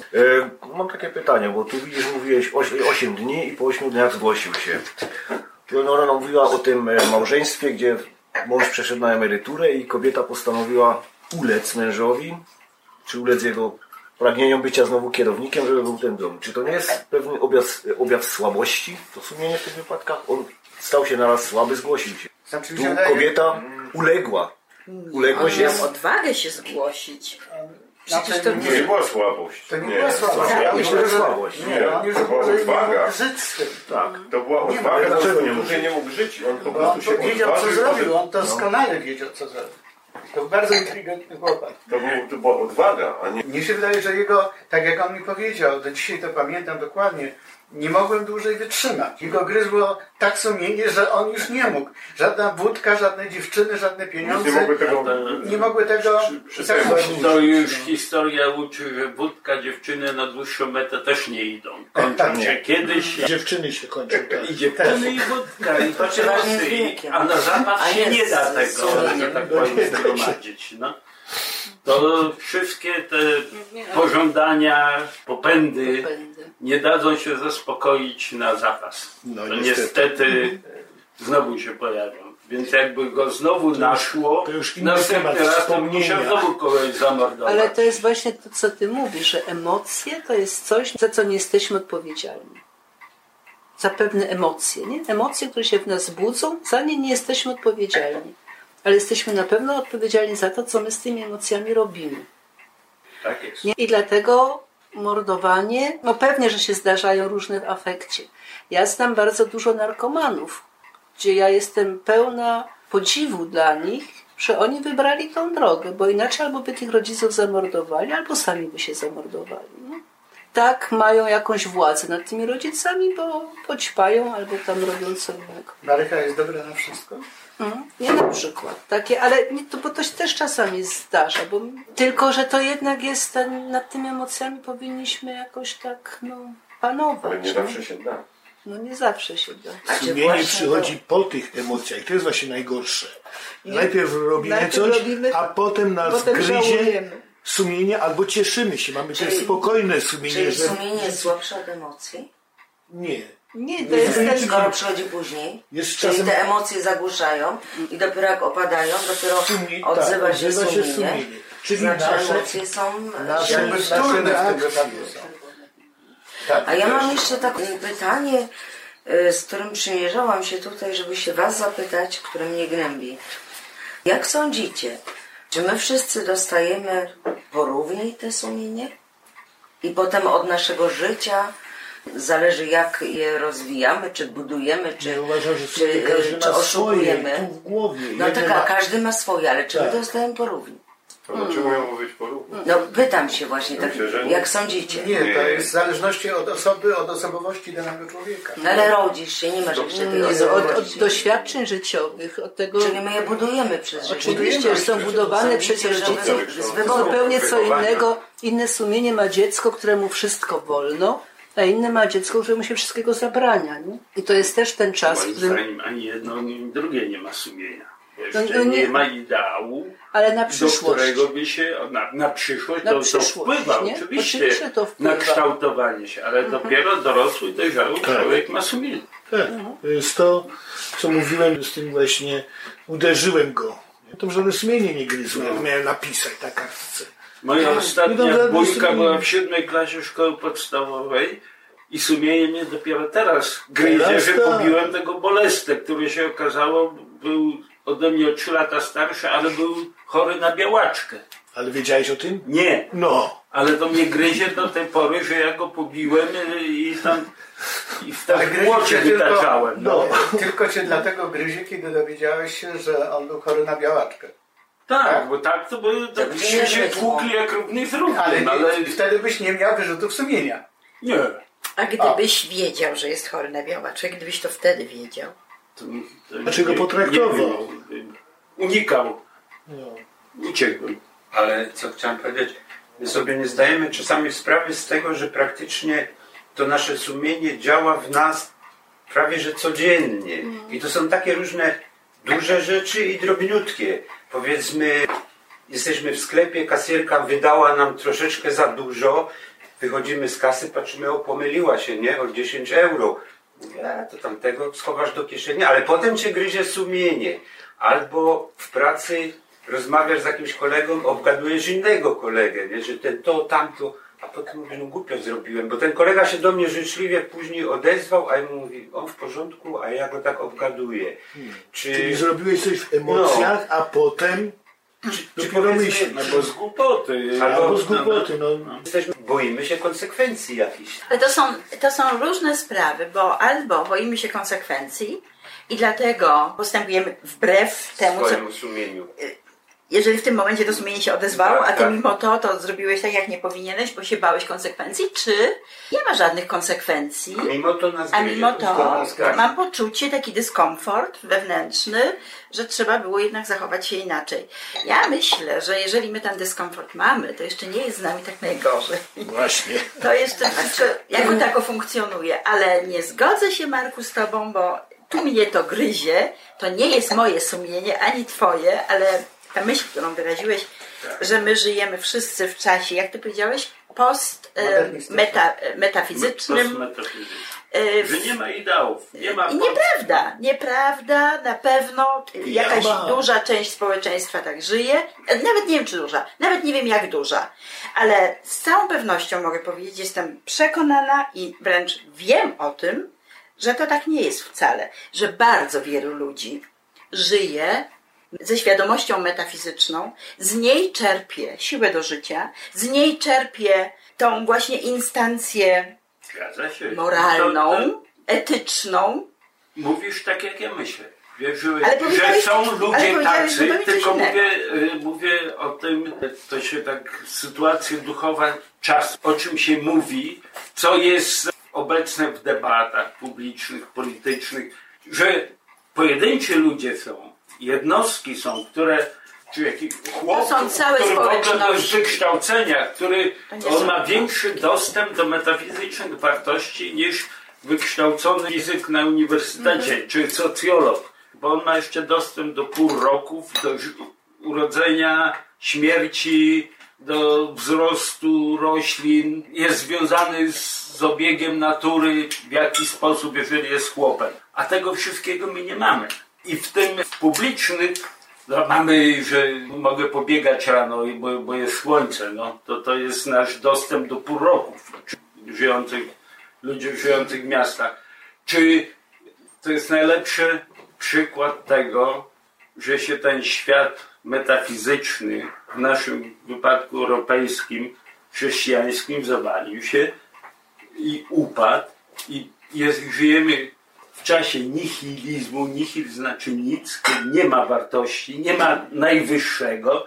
To jest to zdanie niczego, Fryderyka Nietzschego, Bóg umarł, Gott ist tot. A wszystkie to była najwyższa wartość, od której wszystko inne zależało. Wszystko jest stworzone przez Boga i dobro, i zło, i, i my, i, i tego Boga nie ma. I to pokazuje, jak się to, to wszystko jakoś jest w dalszym ciągu. Kościoły stoją. Religia też, ludzie chodzą do kościoła. W Holandii w kościołach nikt nie rozbiera, tylko muzea robią czy knajpy. Dalej jest użytkowane. Tylko to są, to jest przestrzeń bez tej wartości, która ją stworzyła. I tak samo można powiedzieć, Absolutnie ja się z tym nie tylko budynkiem. Ja zgadzam. E, Marek, ja się z Tobą zgadzam w pewnym sensie. Dlaczego? Chodzi o te post, post metafizyczne, postmoderne i to wszystko. Co można zauważyć teraz? To sprawa jest taka, nie ma ideałów. To masz rację. Ci ludzie, zwłaszcza młodzi, którzy żyją, Ja się e, ja to nazywam, zgodzę. Też nie zgodzę się możecie się nie zgodzić, ale najpierw ja powiem swoje. Swoje wartości. Ja powiem swoje Ale najpierw. jesteśmy tutaj, żeby mówić Y, swoje no, e, poglądy. to jest- Mówmy po kolei. Tak. proszę. Mam kontakt z młodymi ludźmi, jeżeli się ich e, porównasz z tymi wartościami, które myśmy mieli w szkole, lektury i byliśmy wychowani w sensie tam czy wiary, czy, czy tego, jak powinniśmy postępować. Obecna młodzież coraz więcej, co zauważam, jest wychowana jak automaty. Oni się uczą, po szkole idą gdzieś do pracy, w pracy idą do domu, kładą się na żan, nic nie robią. Następny dzień to samo. Jak się takiego zapytasz, co robisz? Ano nic, pracuję dziennie i, i tak sobie wypoczywam i tak żyję. I teraz pytanie do was wszystkich. Jeżeli człowiek ma tak automatyczne postępowanie, gdzie tam jest miejsce na sumienie? Ale zaczekaj, zaczekaj, zaczekaj. Ty jesteś ze Śląska, tak? Po kolei, po kolei. Po kolei, po No ja kolei, tylko zapytam, czy kiedyś było inaczej? Ty może robiłeś coś innego. Ale ten górnik jak poszedł rano do pracy, wrócił z tej pracy, zjadł ten obiad, położył się spać, ewentualnie piwo, piwa się napił. I żona jeszcze. I, i, i, na drugi dzień znowu do tej pracy poszedł. I to było cały czas w kółko to samo. Byłem górnikiem i to nie było tak. Myśmy, a ja stamtąd pochodzę, wiesz, też taki byłem. Zgadzam się z tobą, Andrzej. Myśmy wtedy nie mieli komórek, telewizorów żeśmy nie mieli, tego żeśmy nie mieli. Ale Byliśmy lektury. inni, z tego tylko i wyłącznie powodu. więcej niż my na wschodzie. Mieliśmy Ale- ale-. Ale tylko z tego powodu, że były inne czasy, ale jesteśmy tacy sami. Ja mam syna, ja mam wnuki, ja to wiem. Ale słuchaj, masz rację, ponieważ myśmy, nie tak jest jak ty twierdzisz, mieliśmy mieszkali czy na Śląsku, czy w Gdańsku, czy Tak. we Wrocławiu, fascynowaliśmy się, przynajmniej w młodych czasach moich, grupą The Beatles, Rolling Stonesami, szaliliśmy po to, żeby kupić Beatles but albo czapkę a la John Lennon i tak dalej. Dziś przesunęła się też, świetnie Jasiu, dziś przesunęła się e, młodzież w inny krąg zainteresowań, ale oni nie mają. Oni nie są całkowicie bezideowi. Jest tragedią, jest tragedią i tu się z Tobą zgadzam, bo byłem ze znajomymi w knajpie, w kolonii i synowie napotkali kolegów swoich i oni nie rozmawiali, tylko oni do siebie pisali. Ale my byśmy to też robili, gdybyśmy to mieli. gdyby, gdybyśmy to mieli, więc Ja w ogóle tych trzeba... telefonów teraz nie miałem na myśli. Ale ja mówię, mi kwestia- o podejście do tematu jedna-. Nie, kwestia polega na tym, że zmienia się system, system życia, zmienia się sposób bycia. To, to, jest, to, to jest prawda, że się zmienia. Tak. Ale i to tym samym, poczekaj Marku, to tym samym wpływa na nasz sposób zachowania, na nasz system wartości, na to, czy my to sumienie mamy, czy go nie mamy, Oczywiście, że czy go wpływa. ogłuszamy, Tylko to, zagłuszamy. co ty mówiłeś, to znaczyło, że to bardzo negatywnie wpływa na ten system wartości i osłabia go i prowadzi do tego, że nowe pokolenie być może rośnie nam bez sumienia, czyli bez czegoś takiego, co może być. Bo do czegoś to sumienie może się odnosić. Ona jest Jeżeli, jeżeli, y, naturalnie, jeżeli coś w domu jest jakiś przykład rodziny, czy która, osoby, które się jakoś kocha i szanuje, te wartości, żyją tymi wartościami i je się kocha, to znaczy kocha się te osoby z tymi wartościami, przy okazji te wartości też. Jeżeli takiego czegoś się nie ma, no to, to się wzrasta bez tych wartości, to się wzrasta, no wychowanie też odgrywa tu szaloną rolę, kiedy wychowanie to znaczy Berufsbildung, czyli kształtowanie, jak najszybsze Siłę zawodu raczej. i główne wydatki, teraz wszyscy chwalą, że będzie tyle procentów wydamy więcej na wykształcenie, bo digitalizację będą wprowadzać. I To jest i z- zamiast pokazać nawet to, co ja tak y, spontanicznie, krytycznie mówię teraz, bo pewnie tak 100% też nie myślę, ale żeby pokazać, że takie zagrożenie jest, że te, te wartości, czym żyła kultura europejska od początku do dzisiejszych czasów, nie są dalej przekazywane. I, nie, I to ja to mogę referat na ten temat. Nie są przekazywane poprzez instytucje do tego właściwie zobowiązane. Szkoła, minister, polityka w ogóle. Po co my Europę, w jakim celu my ją budujemy? Żeby jakąś jedność gospodarczą stworzyć, żeby większe zyski, to jedyne osiągnąć to jest najwyższy poziom argumentacji. Zamiast pokazać, jest to marzenie ludzkości wreszcie zrealizowane. Że państwa żyją dobrowolnie w zgodzie ze sobą i razem, a nie w konkurencji, w wojnie ze sobą. Czy to jest dążenie, które ludzkość miała od początku i dopiero teraz została. I gdzie? Jak pokazać, jaką ma wartość Europa, jeżeli tylko wartości ekonomiczne, polityczne, Ale- władza, walka o władzę się liczą. Marku, Jak przekonać? Nie, nie przekazuje się tego. I w związku z tym nikt nie będzie nowe pokolenie nie będzie miało wyrzutów sumienia, to Europa upadnie. Bo co? Bo, bo pojawi się lepszy układ ekonomiczny. Ale Marku, No, Europa to- w tym starym wydaniu, o którym ty mówisz, Poczekaj chwileczkę. Czy to znaczy, że im dalej idziemy w cywilizacji, tym mniejsze wartości, y, czyli sami siebie gubimy? y, gubimy siebie, gubimy siebie, bo, bo postęp jest jednoznacznie tylko cywilizacyjny, a nie kulturalny, humanistyczny. Czyli sami gubimy, sami, Sami gubimy gubimy, wartości. sami Zmienia to tak Marku. szybko, ale czy my przypadkiem tu teraz nie czujemy zagrożenia dla siebie, dla nas starych? Boimy się tej, tej młodzieży, my się gubimy w tych wszystkich właśnie tu elektronicznych rzeczach, młodzież się nie gubi. Czy my się tego nie boimy i właśnie z tego powodu, bo Europa zmieniała się cały czas. Od powstania Oczywiście. Europy ona się zmieniała. Myśmy przeżyli różne, wiesz, że możemy się powoływać do tych wysokich Ale- kościołów. Religia powstała w grotach. Nauka Chrystusa powstała w grotach, nie w wysokich kościołach. Fakt, że to jest wielka e, sprawa to mieć te kościoły, ale że się je teraz zamyka. Nie zawsze chrześcijanie modlili się w kościołach. Słuchaj, Nie zawsze ludzie byli na ziemi. Ale czemu no tak? właśnie. Nie powołujesz się na to. No. Ale Europa Europa się zmienia, my się starzejemy. Nie, nie, Europa się zmienia, bo Europa zaczyna zmieniać kolor. I to jest proces nieuchronny. Ale czekaj, czekajcie, czy my mówimy o sumieniu, czy mówimy o polityce i sprowadzamy sumienie tylko do Europy? Bo, bo Nie, jeżeli popatrzymy globalnie, chwileczkę, E, jeżeli popatrzymy globalnie na sprawę sumienia, to te wzorce są. Są ludzie, którzy umierają za, i mamy na co dzień, za wiarę, czyli za jakąś wyższą wartość, którą uznają. My nie mówimy w tym momencie o naszej chrześcijańskiej cywilizacji europejskiej, mówię o czym innym, ale nadal to istnieje. To nie zanikło. Taka- Dzisiaj, to istnieje. dzisiaj to No, istnieje. I to jest Tylko pytanie, duma naszej, że tak powiem, e, Europy czy europejskiej kultury, w tym religii chrześcijańskiej, czy katolickiej, czy protestanckiej, czy prawosławnej, leży w tym, że ona, że te religie, pomimo wszystkich wojen niesnaszek, przejęły też wartości odrodzenia, oświecenia, O których religiach naukowości. mówisz, O przepraszam? chrześcijańskiej religii. No tak. O chrześcijańskich. Mówię o europejskich religiach, które są w odróżnieniu od innych religii. Nie znam innej religii, która by to przejęła. One, wszystkie inne religie, nawet żydowska, trwa bez zmian. Jest taka, jaka była. Jedyne chrześcijaństwo, które się przez, święte, przez samo, przez filozofów i świętych kościoła. Święty Tomasz, tak. który powiedział główne zdanie, które nigdy nie, mało kto docenia, że Bóg objawia się nie tylko w Piśmie Świętym, ale przez swoje stworzenie.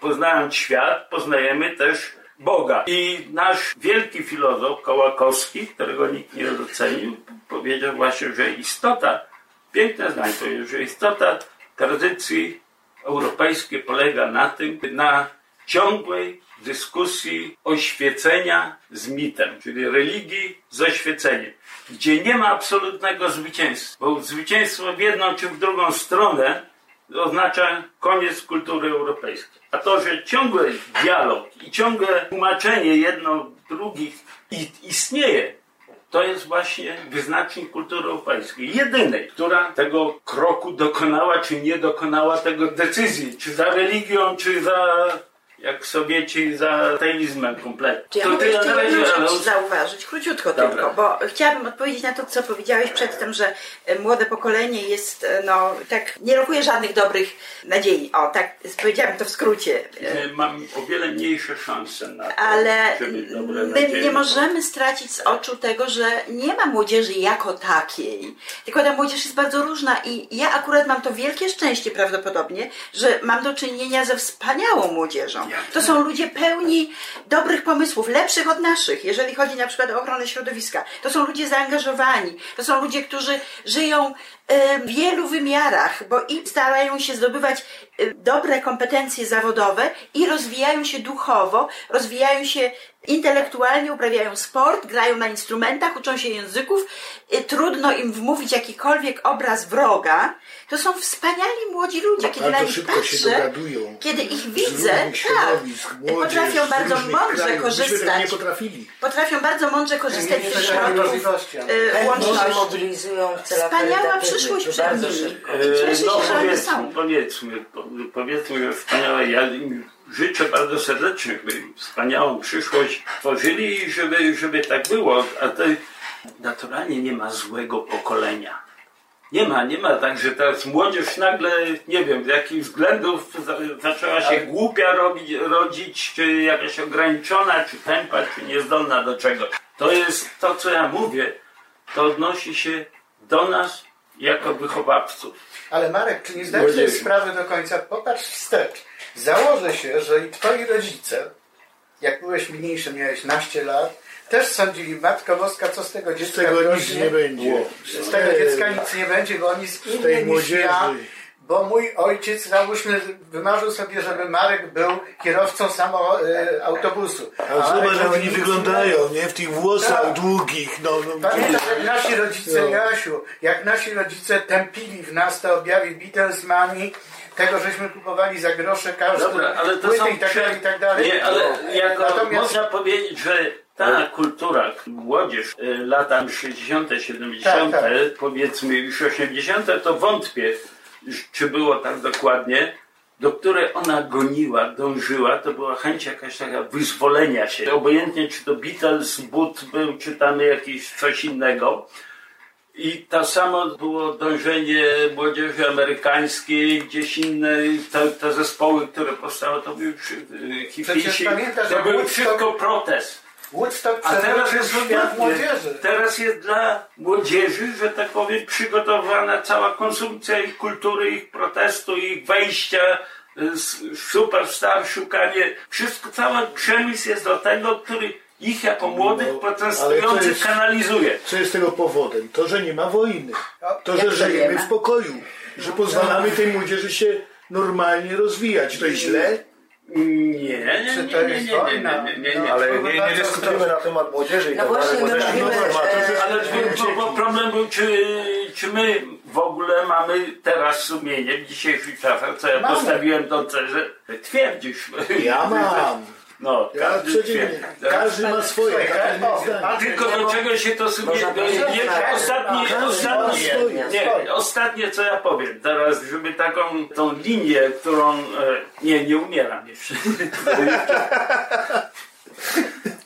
Chodzi o to, że z tego ten głos sumienia, który, który się do nas odzywa, mówi o nas, jest głosem jakby moim, który, którego, który mi podaje różne argumenty, których ja w ogóle świadomie nie widziałem, ale on mówi, to było, trzeba było zrobić tak. Tak, jestem zobowiązany do tego i tego. I skąd ten głos do nas mówi? On coś tam nakazuje jest, zobowiązuje w jakiś sposób, powinny, powinieneś przynajmniej powie, tak zrobić. Dlaczego nie zrobiłeś?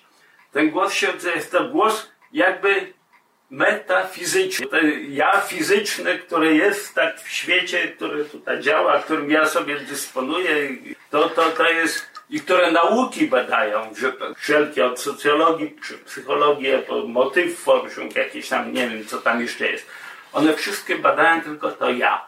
A ten głos metafizyczny, sumienia, który, do którego ja się odwołuję, który mnie jakoś określa, on jest głosem wyższym, meta znaczy powyżej, nie? To powyżej fizycznej, powyżej naturalnej.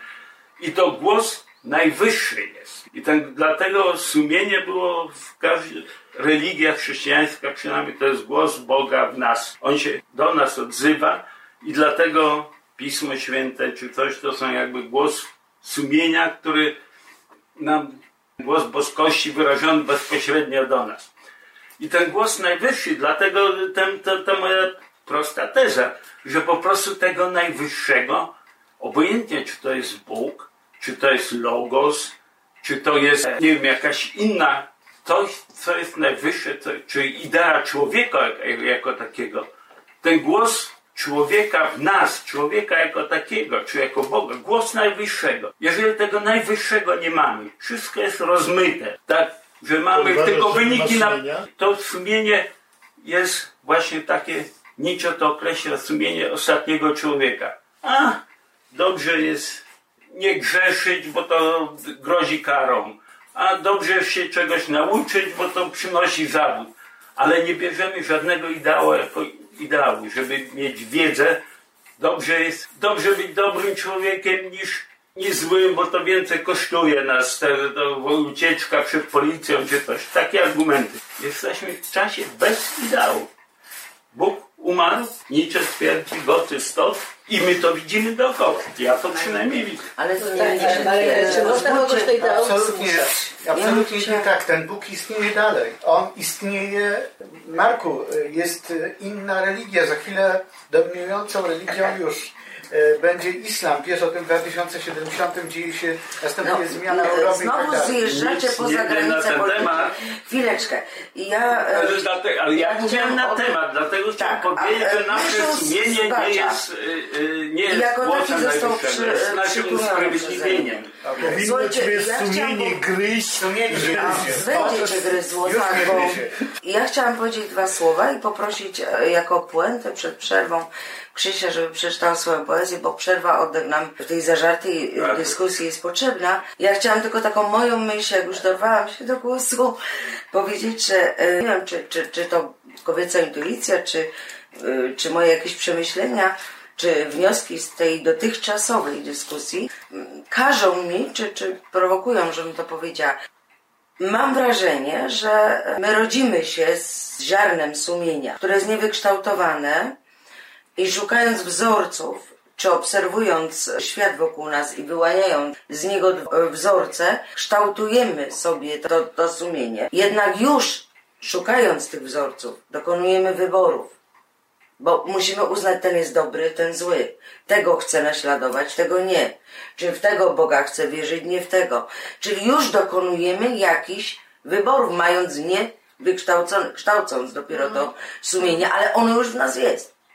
Już w tej fizycznej naszej powłoce i słuchaj. Nie odzywa I się. wydaje Ono mi się, że budowane. wydaje mi się, to jest taki mój bardzo e, osobisty wniosek, jakieś podsumowanie moich rozważań.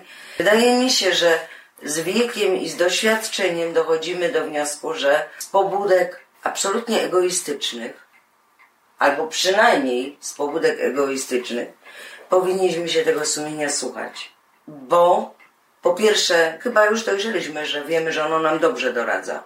A po drugie, jak się go nie posłuchamy, tego sumienia, które sami sobie w jakimś stopniu wykształciliśmy, to potem mamy te wyrzuty sumienia, które nas gryzie i musimy się mocno napracować, żeby uśpić te wyrzuty, a to jest cały proces. I nie zawsze pomyślnie się kończy, że całkowicie usypiamy te nasze sumienie, ale naprawdę długi proces. Więc dla własnej wygody słuchajmy się tej intuicji, czy tego sumienia naszego, które sami żeśmy sobie poniekąd ulepili, dokonując wyborów e, żeby ono nam mogło pom- pomagać w przyszłości między dobrem a złym e, dokonywać wyborów. Ja tylko rzuciłam w tej chwili, e, posiałam e, moją myślą. Poproszę e, Krzysia, żeby przeczytał swój wiersz jako oddech, ale dotyczący tego tematu. No, należę do osób palących, więc potrzebujemy Ja przerwy, tak. Dobrze jest. Metamorfoza.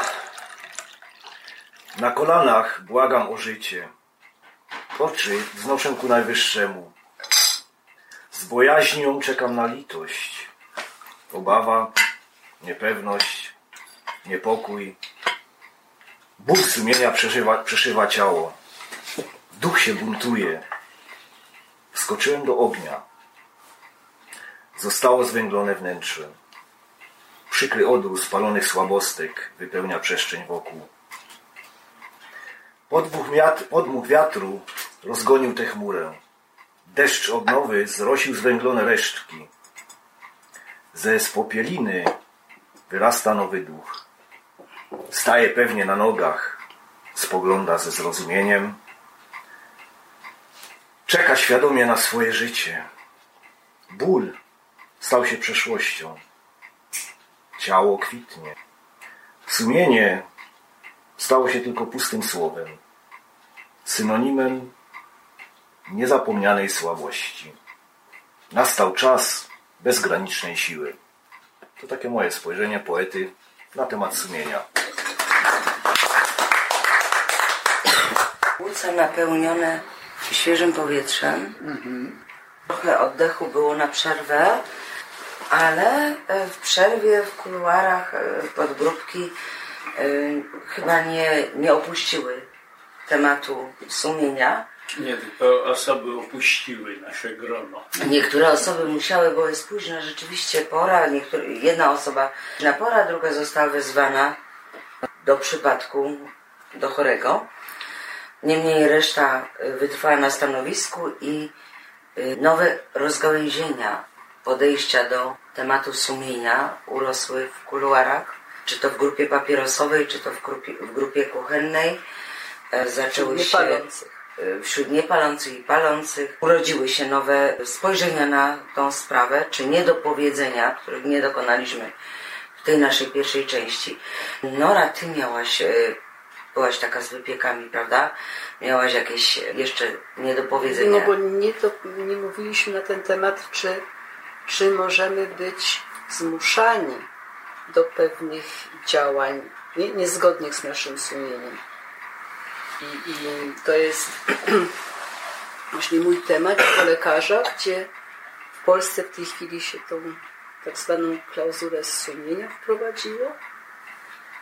I to znowu też jest nacisk gdzieś tam taki, nie? Żeby tam się, nie wiem, zapisywać, czy jakieś takie bzdurstwa, które trzeba robić.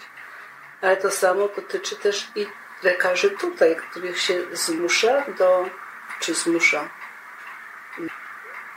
do wykonywania pewnych zabiegów, które wcale nie są zgodne z sumieniem lekarza jako człowieka. Nie? I to ja myślę, że to może macie też jakieś inne przykłady z innych dziedzin życia, nie tylko, bo to takie jest coś, co mnie dotknęło, nie? co dla mnie jest takim, taką rzeczą ważną. Że niezgodne jest, ale w medycynie w ogóle, teraz tego, tego nie chcę tam za bardzo, za bardzo tego tematu rozwijać, ale cały ten system, który tu już nie tylko chodzi o takie bardzo drastyczne przypadki, jak usuwanie ciąży czy eutanazja, ale na przykład leczenie, no, żeby było y, jak najtaniej. Czy my wiemy, czy coś takiego, czy coś takiego jak, jak programy dla osób chronicznie chorych. Te programy to jest nic innego jak, jak narzucanie lekarzowi leczenia jak najtańszego. No? To też jest znowu coś takiego jak nie całkiem zgodne z sumieniem. I teraz siedzisz w takim, taki lekarz, który ma, lekarz domowy, który tam ma praktykę tysiąc, tysiąca pacjentów i niestety też zobowiązania finansowe wobec pracowników, czynsz musi zapłacić, dziewczyny musisz zapłacić, rodzinę ma na utrzymaniu. I gdzieś tam się poddaje tym, tym wymogom, temu, czego się od niego oczekuje, żeby leczył jak najtaniej. No i jak? Czy to koliduje z, e, z przysięgą Hipokratesa? Oczywiście, że tak. Która jednak była tym autorytetem, wzorcem, czy jak Bóg, jak inne rzeczy, które wpływa na kształtowanie sumienia, jest tym wzorcem. Bo w przysiędze jest- Hipokratesa było leczenie jak najlepiej, nie?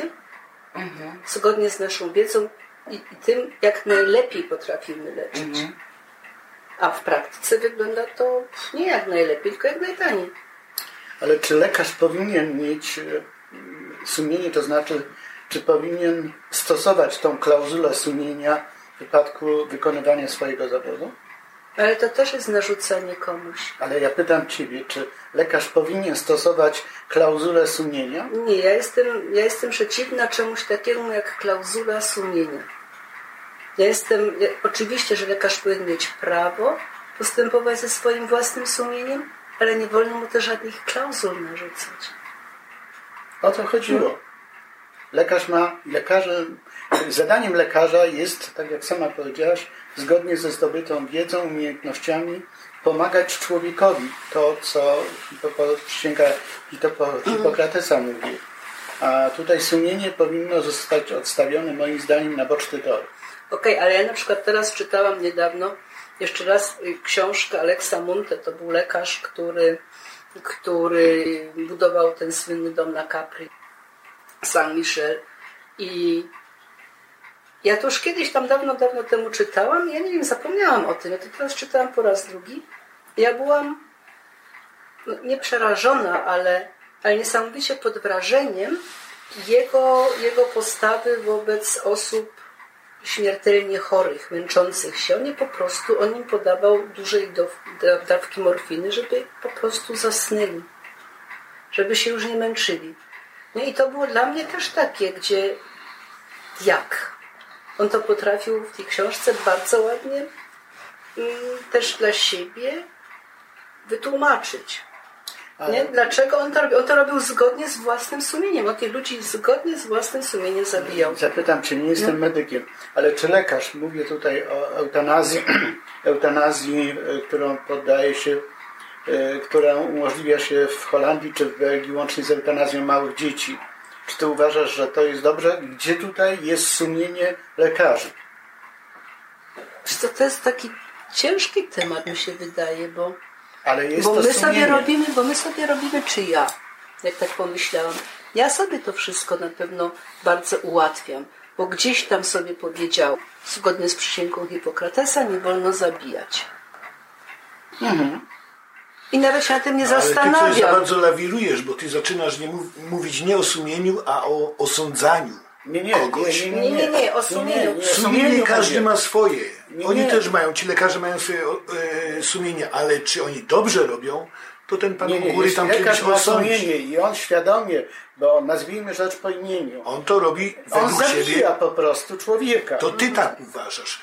Ja Osądzi to ktoś ma, inny. miałbyś sumienie patrzeć, jak ktoś... Osądzi to ktoś inny. Może nie inaczej. ty. Wyobraź sobie, że strasznie cię boli ząb. Mhm. Jesteś w stanie naprawdę głowę do lodówki, spirytus wlać. To jest taki ból, że po ścianach człowiek chodzi. Tak, tak. Jeżeli tak przeraźliwy ból trwa godzinę, dwie, jeden dzień, jeden miesiąc i, każ- i nie ma szans, żebyś y, wyszedł z tego bólu, żebyś wyzdrowiał, nie ma szans. Masz sumienie pozwolić y, temu człowiekowi, y, że tak powiem, naturalną śmiercią umrzeć za trzy miesiące, niech się męczy? Gdzie są granice tego sumienia? Czy według sumienia powinno się mu dla niego pomóc mu, żeby się już nie męczył, bo i tak umrze? I każda minuta tego cierpienia boli i to niewyobrażalnie boli. Y, Tego bólu nie uśmierza już nawet morfina. Nic. Zgoda, ale wracamy To do sumienia. no to mówię. Ale zgoda, chcesz to chwileczkę. narzucać. Y, Masz sumienie pozwolić się temu y, człowiekowi jeszcze jakiś czas y, męczyć i potem i tak umrzeć? Czy masz sumienie mu pomóc, żeby się nie męczył? To znaczy mogę Gdzie odpowiedzieć jest, za siebie. gdzie jest właściwe Odpowiem ci za siebie. do... No, Odpowiedz za E, siebie, od- tak. Odpowiem za, odpowiem za siebie. E, Miałbym sumienie, żeby się męczył, ale nie miałbym sumienia, kończę, nie miałbym sumienia, żeby mu pomóc, żeby on w tym momencie umarł. Ale dlaczego ty chcesz to swoje sumienie A narzucać komuś ja innemu? wiem. To jest e, Widzisz, zupełnie inna tu jest empatia. Wskocz, wyobraź sobie, po, powiedziałam ci, e, okropny e, ból e, zęba. A to jest jeszcze większy ból. Wyobraź sobie, że cię mm, bardzo mocno Ja boli wiem, ząb. Jasiu, wiem, do czego zmierzasz i o co ci chodzi. Natomiast mówię, że e, w wypadku drugiej osoby nie miałbym sumienia pozbawić kogoś życia. Czyli miałbyś sumienie patrzeć, jak się męczy. Tak. Mimo, że wiesz, że No to skończy jesteś, się to jesteś okrutny. Dlaczego te twoje sumienie chcesz narzucać jednoznacznie śmiercią, tylko to cierpienie po prostu będzie, to jest tak, wiesz, wykonać wyrok, a wykonać wyrok poprzedzony torturami. nie Świadomie pozwalasz się tej osobie męczyć. Ale powtarzam, nie potrafiłbym, e, nie potrafiłbym skrócić mą tych e, jakimś zaszczykiem czy inną formą. No więc dobrze, no nikt ci tego nie każe robić, ale dlaczego od razu chcesz osądzać to, co powiedziałem, to już nie jest sumienie, to jest osądzanie. Osądzanie kogoś, że on robi na pewno źle. Ale ja, nie Ja ci mówię, tego nie każę robić, Ale ja ja ci nie nie każę-. Myśmy mówili o eutanazji, Tak. o podjęciu decyzji, Tak. którą lekarz musi podjąć. Stąd moje pytanie było, to nawiążę do Nie słów pytanie, osądzenie zostało Nie, nie, nie, nie. nie. wypowiedziane.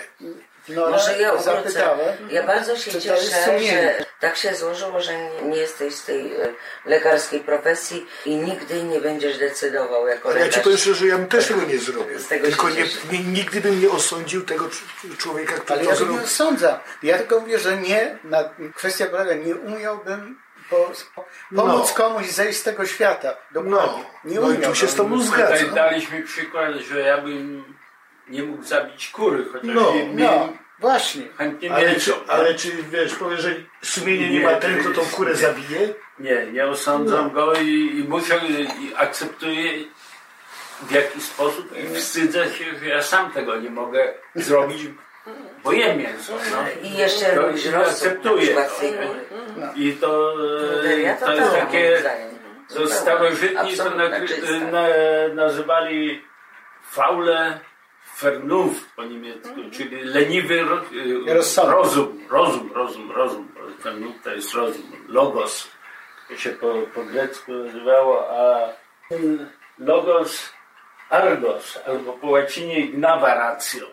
To jest takie, i to Leibniz też pisze o przeniesieniu do chrześcijaństwa i to jest bardzo ciekawe właśnie takie nastawienie rozumu, który jest leniwy, to znaczy wyłącza się pewnym momencie i nie szuka ostatnich y, argumentów, ostatnich powodów, tylko kończy na tym, kiedy mu wygodnie.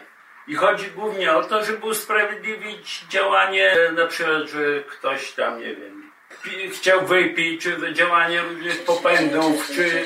Genialne, to znaczy, że poczekaj, że rozum e, konfliktuje z sumieniem. Oczywiście. Yy, Oczywiście, że tak. tak, ale yy, nawet nie konfliktuje. Nie, on się No. wyłącza i No, szuka no, no, argumentów. oczywiście. no tak. Nie, ale wyłącza się sam przez się i szuka argumentów takich, które wyłączają odpowiedzialność osoby z, za swoje decyzje, nie? Że zwala na przykład jed, i w- wrzuca człowieka w różne labirynty, nie?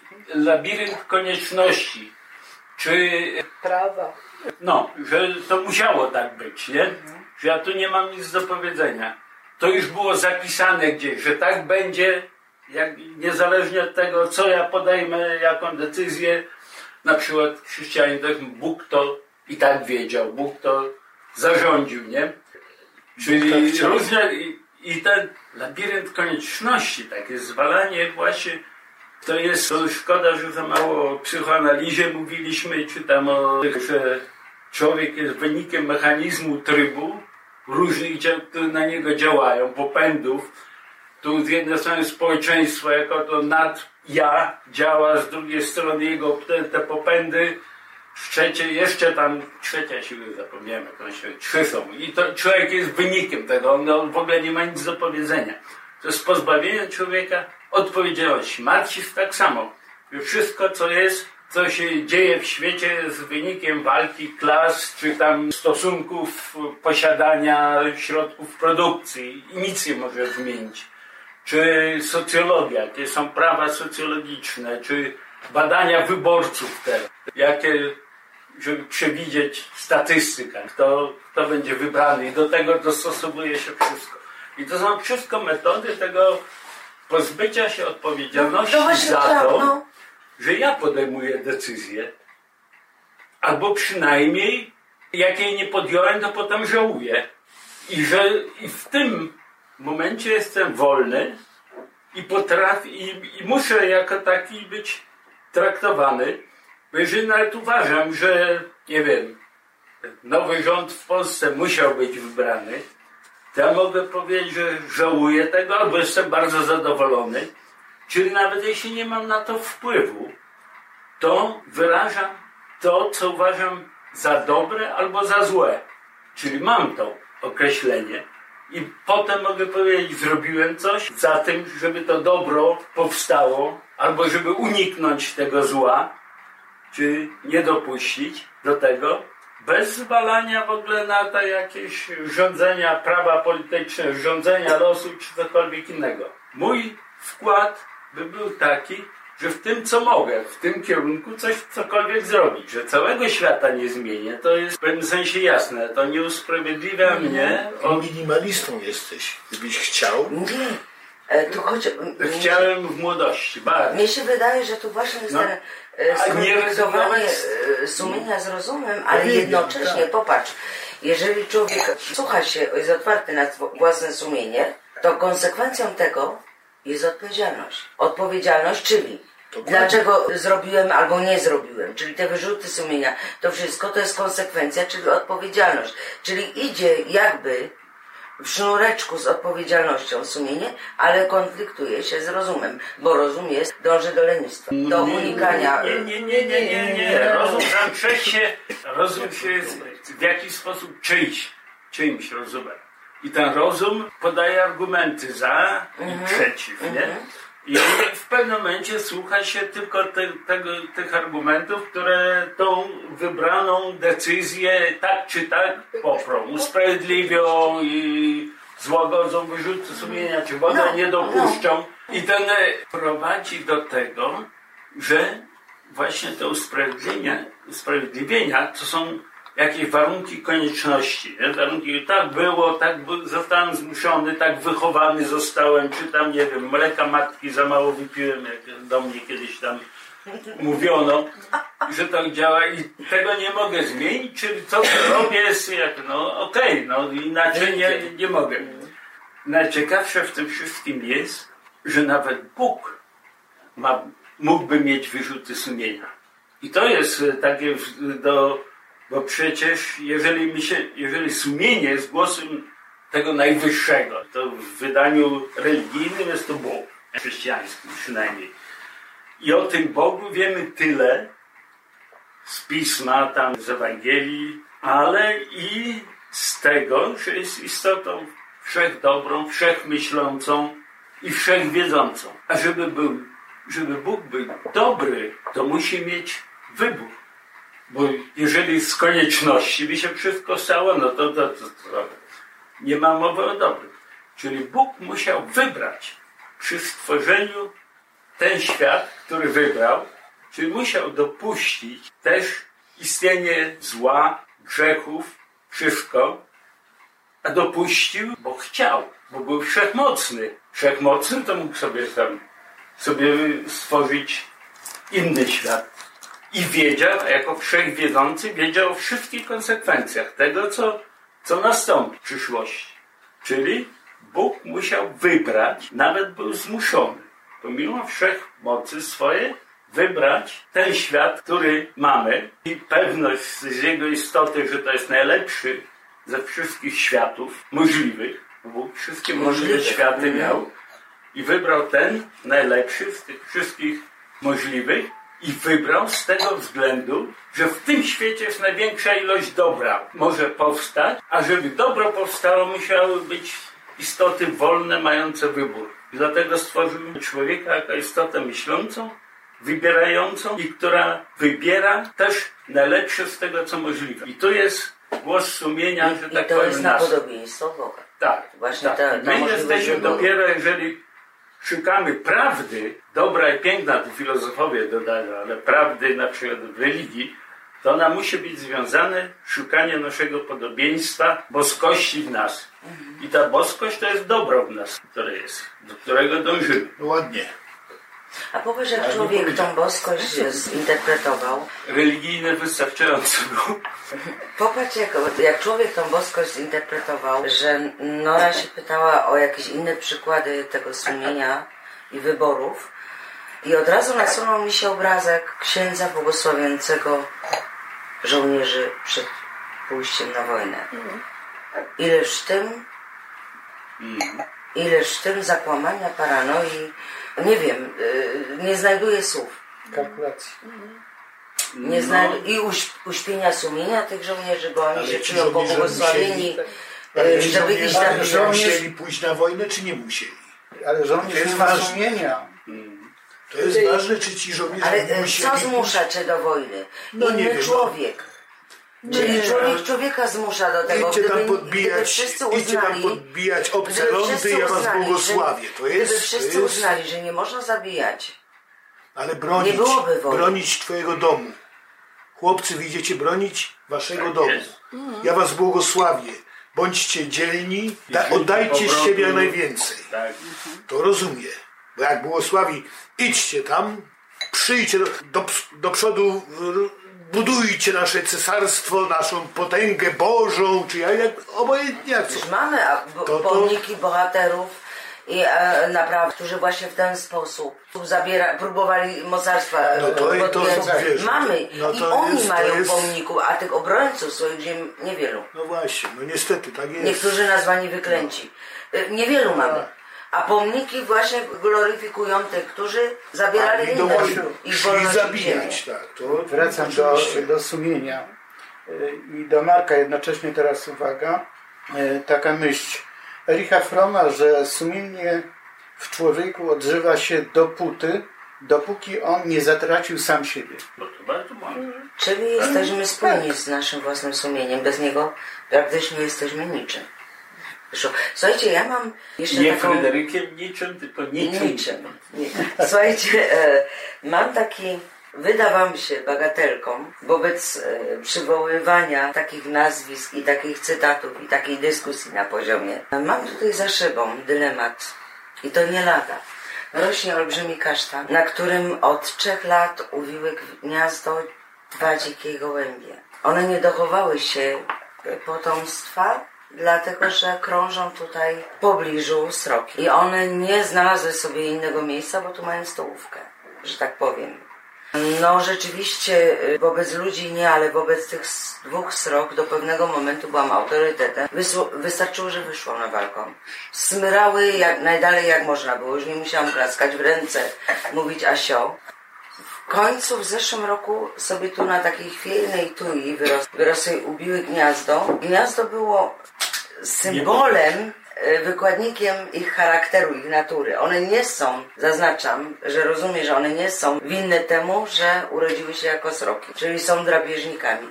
One nie są temu, one nie są tego świadome, e, nie są temu winne. Gniazdo uwiły sobie dokładnie takie, że nawet brały fragmenty gniazda od tych takiego dużego, ładnego gniazda od tych gołębi, brały fragmenty porobiły takie y, chaotyczne, jak na przykład y, Andrzeju twoja fryzura po jakbyś przyszedł z wichury. To gniazdo takie były i w tym gnie, gnieździe dochowały się to było w sąsiedztwie kasztanu, bardzo bliskim, dochowały się potomstwa, a gołębie nie. I w tym roku Zdarzyło się, że tą tuję ścieli. I ja mówię, nareszcie będą musiały sobie te sroki znaleźć zupełnie inne, inne mieszkanie i zostawią te moje gołębie wreszcie w spokoju. I sroki sobie ułożyły gniazdo z drugiej strony tego samego kasztanu.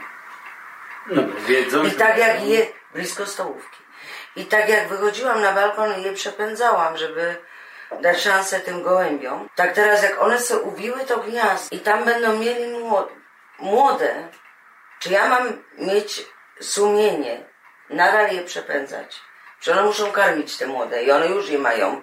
Prawdopodobnie, bo już tam y, znoszą oprócz gałązek jakieś coś, a gołębie mają to gniazdo pomniejszone o materiał, które sobie sroki przyniosły na drugą stronę, bo one takie są, taka ich natura. Gołębie się chowają gdzieś tutaj i co usiądą na kasztanie są przepędzane przez te sroki, które teraz bronią swojego terenu, ale to nie był ich teren, bo to, ten kasztan był od od gołębi. I powiedzcie mi, jak ja mam się moim sumieniem ustosunkować do tego niby pozornie banalnego tematu. Kogo mam bronić? Jak mam postępować? Czy ty sobie zdajesz sprawę z tego, że ty e, patrzysz na ten problem, który jest problemem zupełnie naturalnym i te gołębie i sroki poradzą sobie e, według swoich własnych zasad z tym problemem, a ty patrzysz na to według naszych ludzkich zasad Ja tam bym współżycia kibicował społecznego. srokom, bo nie lubię gołębi. Mężczyźni, którzy mają samochody, wiedzą Ale dlaczego. Irena, ja mniej więcej tak e, jak uwielbiam naturę, kocham wszystko, wszystko ma prawo żyć. Naprawdę, żmije, pająki również, acz- aczkolwiek daleko ode mnie, to wszystko ma prawo żyć. Ja ro- rozumiem, że oni nie, nie mają tych wyborów, jakie my mamy na podobieństwo Boga, więc oni się kierują instynktem samozachowawczym, ale nie rozumie filmów e, przyrodniczych, gdzie mężczyźni, e, człowiek za kamerą filmuje i robi zbliżenia, jak e, lew rzuca się i podgryza gardło gazeli, kiedy mógłby ingerować i pomóc uratować życie tej gazeli. Ja tego naprawdę nie rozumiem. Czy ja mam inne No, od was wtedy by, sumienie? wtedy by trzy małe lwiątka zdechły. Ja myślę, że y, właśnie zwierzęta drapieżne Ja nie bym kierują się nie- sumieniem, tylko no, swoimi nie instynktami i mają. mają do tego prawo. Bo to są ich zasady życia. Nasze nie zasady. mają w wolnej woli, nie mają e, Mają prawa sumienia. Sumienia, decyzji nie mają, no, żyją po prostu tym, żeby przeżyć. No. I swoją Ale ja mam. Jeżeli ja jestem w ty- No coś jak po, wynik. jeżeli ja jestem w pobliżu dramatu istot, które niby nie mają swojego sumienia, powinnam ingerować według własnego sumienia. Dlaczego? powinnaś, po prostu. To nie jest twój Nie jesteś w stanie. Słuchaj, tam jest możesz- gdzieś w kącie, na zewnątrz i tam jakaś mucha wpadła, ratuj ją. Nie no, dojdziemy. Przepraszam, ale robię to. One tylko tyle, No i to ten biedny pająk zdechnie, no, jak nie będzie mieć co jeść. one tylko tyle Nie możesz zabiją, ich ile potrzebują, Tak. żeby zjeść. Tak. Tak jest. Nie ruszą Czyli- jak są najedzone. Czyli jestem okrutna, bo robię hierarchię wśród natury i te y, niedrapieżniki Ingerujesz- chronię przed drapieżnikami. ingerujesz Czyli już dokonuję naturę. jakiejś hierarchii. Nie powinnam tego Ingerujesz w robić. świat natury. No. Przepraszam cię, pa, ba, panie, panie Wiesławie. Y, Tak. Y, Pan przed chwilą mówił, że nie byłby w stanie dokonać eutanazji, Nie. ale pan dziennie po, je mięso. Nie. Nie Czyli pan bardzo y, głęboką Ale przepaść ma martwych między... zwierząt. Zwierząt. Ale te zwierzęta to, to, to są zwłoki. One nie umarły same, żeby pan Wiesiu mógł je zjeść. Je trzeba było zamordować, żeby można było Ale zjeść. trzeba je było wychować To i ci dał takie prawo, jak ty masz sumienie, masz ty w ogóle sumienie. Jasiu, teraz chcesz, żeby Moja droga, niestety. Bo na przykład to, że Poruszyć nasze e, sroki jest jedzą nie młode, znajdziemy. młode gołębie czy jajka, jedzą, bo one nie mają sumienia, nie są na podobieństwo nasze, ale czy ty masz sumienie? Bezbronne zwierzęta mordować tylko po to, żeby... Ale, ale nie ja je morduję. A to już jesteś totalnie zakłamany. I z tą eutanazją to już zupełnie ci nie wyszło teraz w porównaniu z tym, że to zupełnie zachowujesz się jak mój tato. Jak karpia, karp pływał w wannie przed Wigilią, to mój tato go karmił i nie zabił, a jak przyszła sąsiadka, zabiła karpia, to tato e, robił demonstrację buntu przy Wigilii. I nie zjadł nawet kawałka, ale chodził do hali rybnej i mrożone filety kupował i jadł. Że jakie zakłamanie jest w tobie, zobacz. Czy ja mogę wrócić do tematu e, kasztana Sumienia. i gołębi? Tak, proszę. Czy mogłabyś jeszcze tylko wytłumaczyć, na czym polega to, że one tu mają stołówkę? Bo ja tego nie Dlatego, zrozumiałam. że... e, No, Ja się nie karmi, sądzę. A dlaczego? Nie, sroki mają stołówkę z tych e, młodych od gołębi, rozumiesz? Ach, to miałaś na myśli. Bo gołębie tu miały prawo zasiedzenia, one tu miały od lat to gniazdo. A sroki od, od dwóch lat uwiły tu gdzieś w pobliżu i po prostu one się dochowują potomstwa, a gołębie nie. No to się gołębie muszą przeprowadzić. No oczywiście, że tak. A to jest Ale są. Ale moja droga. Słuchaj, to jest tak niesprawiedliwe jak Nikt ja. nie obiecywał, Ty że chyba będzie też jesz mięso. Nie. Nie jesz? Odkąd ci Ale Marek, przepraszam, mięso, nie sam powiedział, że je 40 lat. mięso, tak? Czyli Marek jest, przepraszam, że nie tylko ja jestem. Marek też jest mordercą? Nie, on jest filozofem, on sobie to na swój sposób wiesz, a, wytłumaczył. sumienie. Swoje, A Andrzej, zresztą Marek mięso? poruszał kilkakrotnie ten Ja, temat. jest, ja jestem największym potworem, bo ja nie jem owoców, nie jem warzyw, jem E, mięso. I ma sumienie podobno. No, widzisz? nie zjadasz, nie Czyli nie tylko ja nie mam sumienia, całe szczęście. Ja jestem potworem strasznym, ale to, Ale ja to troszeczkę rozwinąłem teorię Darwina. A, nie? nie Że Darwin nie- mówi, że nie człowiek powstał z małpy. Ja Ja się z tym nie zgadzam, bo to, powstał z różnych a nie zwierząt, żeby nie? mieć sumienia. Asia na przykład, to tam ja widzę, że jakiś tam powstała, pochodzi od królika, nie? który tam sobie tą trawkę skubie, nic więcej. A, powiedz, A ja- a nie ja- wyglądam na anorektyczkę, prawda? Nie. No, ale ja Dobrze nie mogę, ja, ja bym Nie, umarł. no, no, no, czekajcie, jakaś puenta o tym sumieniu. No właśnie, właśnie No. chciałam powiedzieć, że Marek tu kilkakrotnie powiedział, że skonfliktowany z sumieniem rozum czasami usypia to sumienie, bo znajduje argumenty dla tego sumienia, żeby je po prostu wytłumaczyć. O, i mieć czyste sumienie, wytłumaczyć. Chyba właśnie ten wątek, który poruszyłam z kasztanem, e, srokami i gołębiami i przy okazji z twoim antyeutazją, a jednak e, drapieżnikiem, bo mamy konflikt, wiesz, e, jak z drapieżnikiem mam z tobą, bo drapieżniki jadą, jedzą Ale mięso. czemu ty się dla mnie E, I chyba właśnie tu jest ten, to właśnie usypianie sumienia, czy rozum pozwala ci znaleźć argumenty, żeby usprawiedliwić pewne aspekty. Zauważyłam, że Marek powiedział, że rozum jest e, leniwy i szuka wyjść. To jest cały żytnik. Właśnie on wpływa, ten twój rozum na twoje sumienie, żeby z lenistwa łagodnie wytłumaczyć ewentualne skrupuły twojego sumienia, że jesz na przykład mięso, ale drugiemu w cierpieniach każesz umierać. Ja mam propozycję e, może takiej trochę bardziej optymistycznej puenty. Bardzo proszę. Chciałabym wrócić do pojęcia, które, jak sobie przypominam, którego Marek użył na początku naszego spotkania. Użyłeś takiego słowa, które e, właściwie wychodzi z mody. Mam nadzieję, że tylko słowo, a nie to, co ono określa. Mianowicie użyłeś słowa cnoty. I ja myślę, że warto y, przypomnieć areta. sobie o tym, że, że one nam są potrzebne nie tylko dlatego, że łatwiej nam się żyje, współżyje ze sobą, jeżeli o nie dbamy, ale i dlatego, że jestem o tym przekonana, jeżeli rozwijamy je w sobie, to nie mamy teraz czasu na to, żeby zgłębiać temat cnót tak w ogóle, ale myślę, że jeżeli udaje nam się je w nas rozwijać, to służy to głosowi naszego sumienia. To znaczy, że e, nasza osobowość staje się na ten głos bardziej wyczulona, lepiej go dostrzega w sensie za, Wrażliwości. wrażliwości, tak, i, e, i, i może e, bardziej go szanuje. Mm, pięknie. O, i to Też, to jest myślę, bardzo mądre. I to, Pięknie, naprawdę.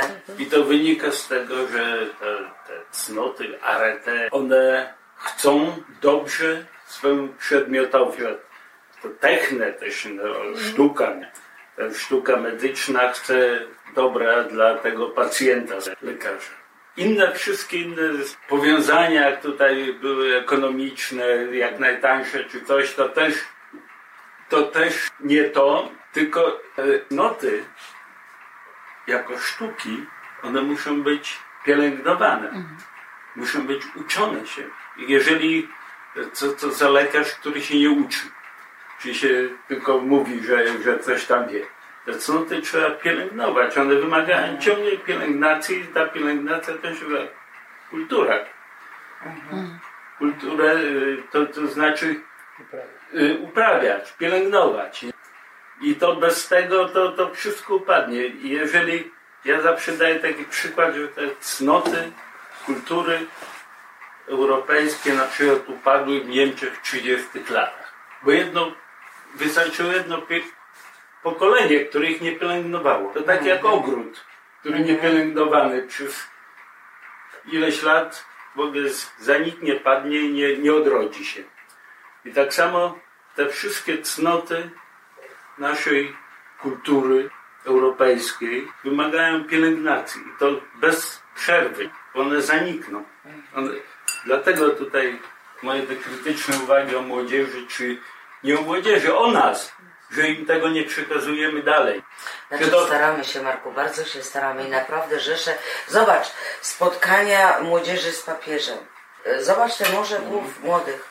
Oni naprawdę są, promieniują dobrą wolą i, i świeżym, innym spojrzeniem na świat. Zgadza się, bo jeszcze nie są Tak. zepsuci tym Tak, tak. e, Bo nie chcą, nihilizmem, bo nie chcą. który, do którego zostaną zmuszeni. Oni Jako niekoniecznie. w życiu zawodowym. Nie, Marku, nie, oni się bawią inaczej.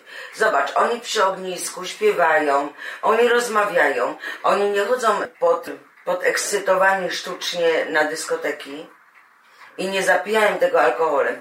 Więc y, nie mówmy, że to zanikło. Po prostu są, jest, jest tak i tak. Ale dobrze, że są teraz te spotkania młodzieży, bo o, nawet Okej, wizualnie okej. pokazuje ci może tych Nie, I to jest nadzieja. Ja przepraszam, bo ja nie chcę Tak. oskarżać, bo młodzież jest Nie, ja będę bronić. Uważam, że- Ja, to jest oskarżenie, że tak powiem, naszego pokolenia, naszych, że nie potrafiliśmy z tych wzorców zrobić podstawowych wzorców wychowania. To A nie jednak to tak. nie wo, wo, w tym życiu publicznym. Mhm. To w ogóle się nie liczy.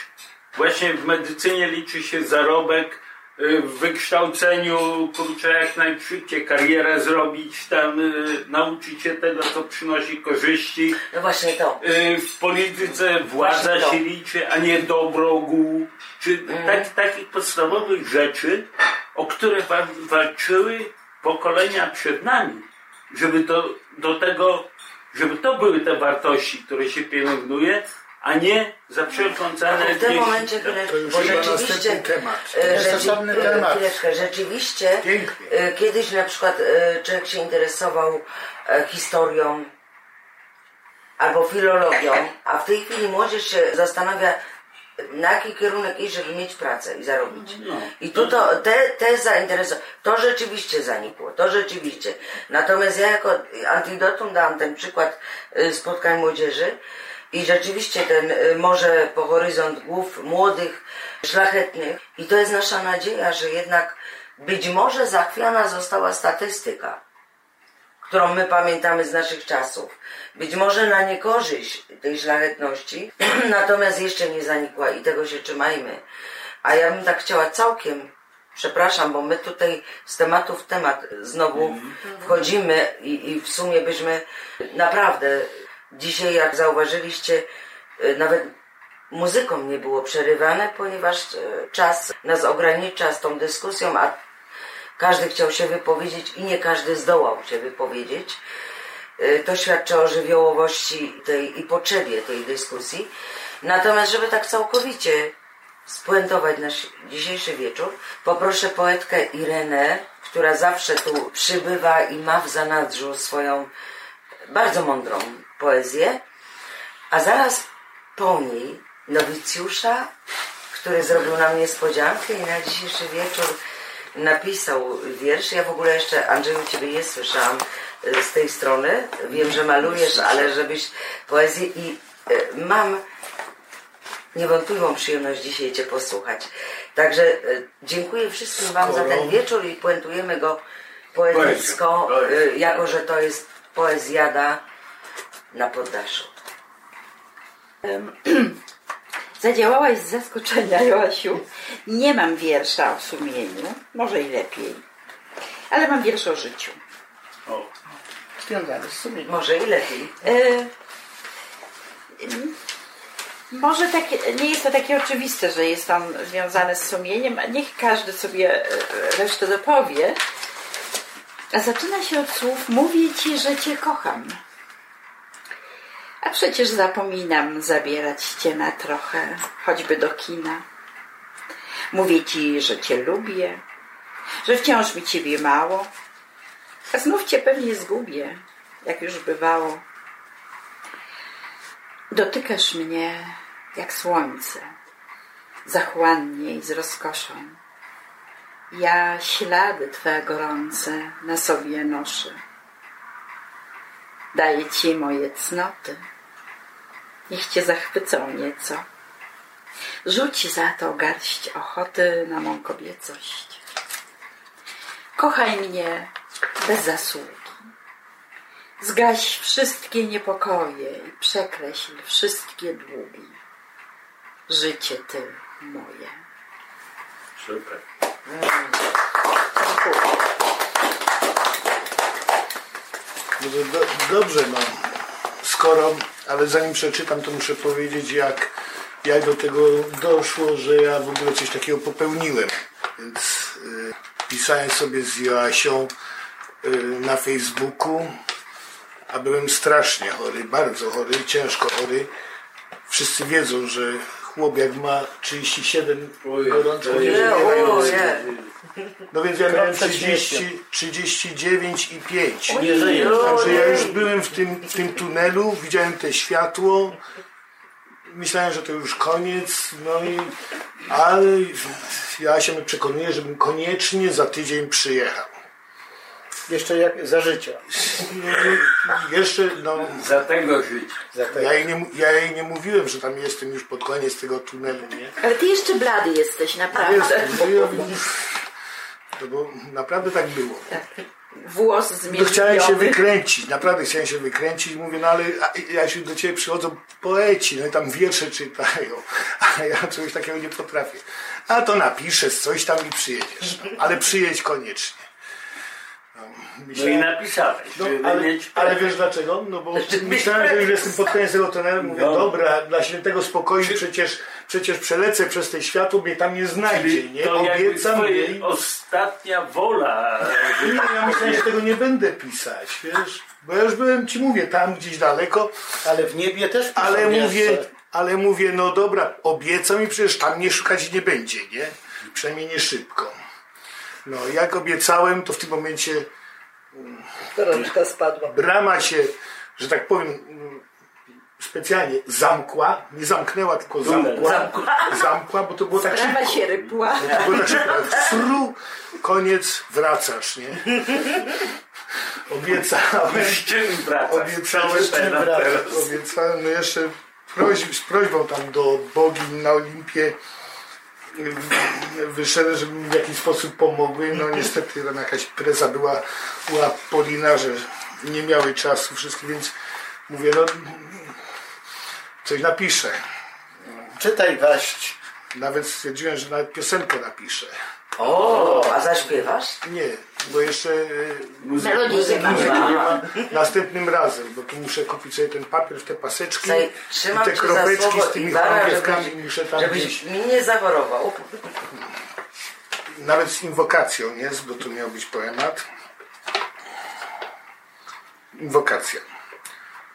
W tę noc obiecałem mistrzowi Adamowi Mickiewiczowi, że zanim zjem pierwsze śniadanie, dziadów część, pią- dziadów część piąta powstanie.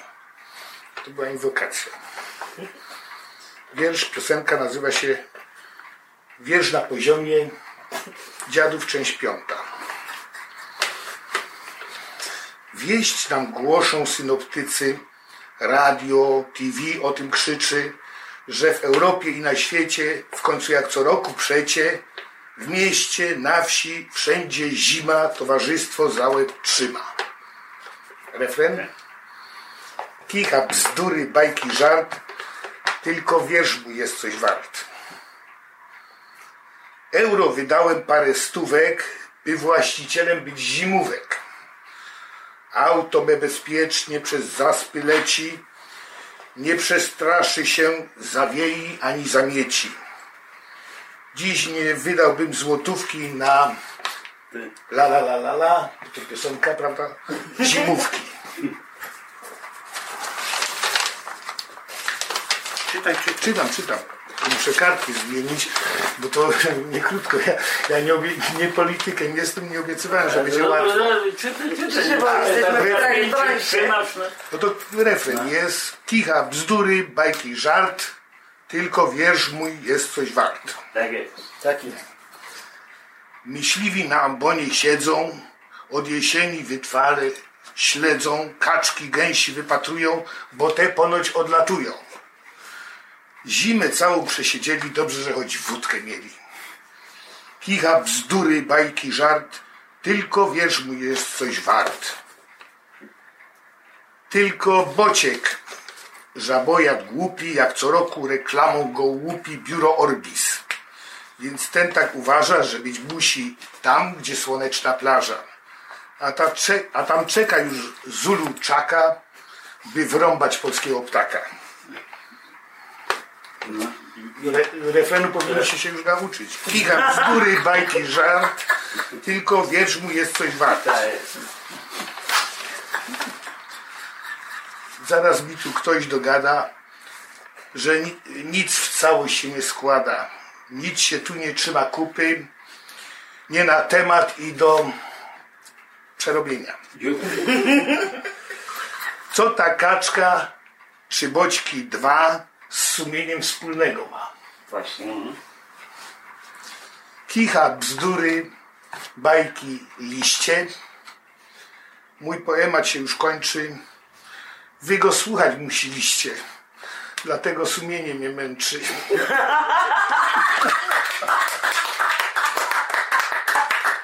Całego co obiecuję, że więcej pisać nie będę.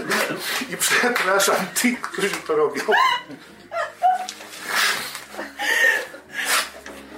Ta błęda była.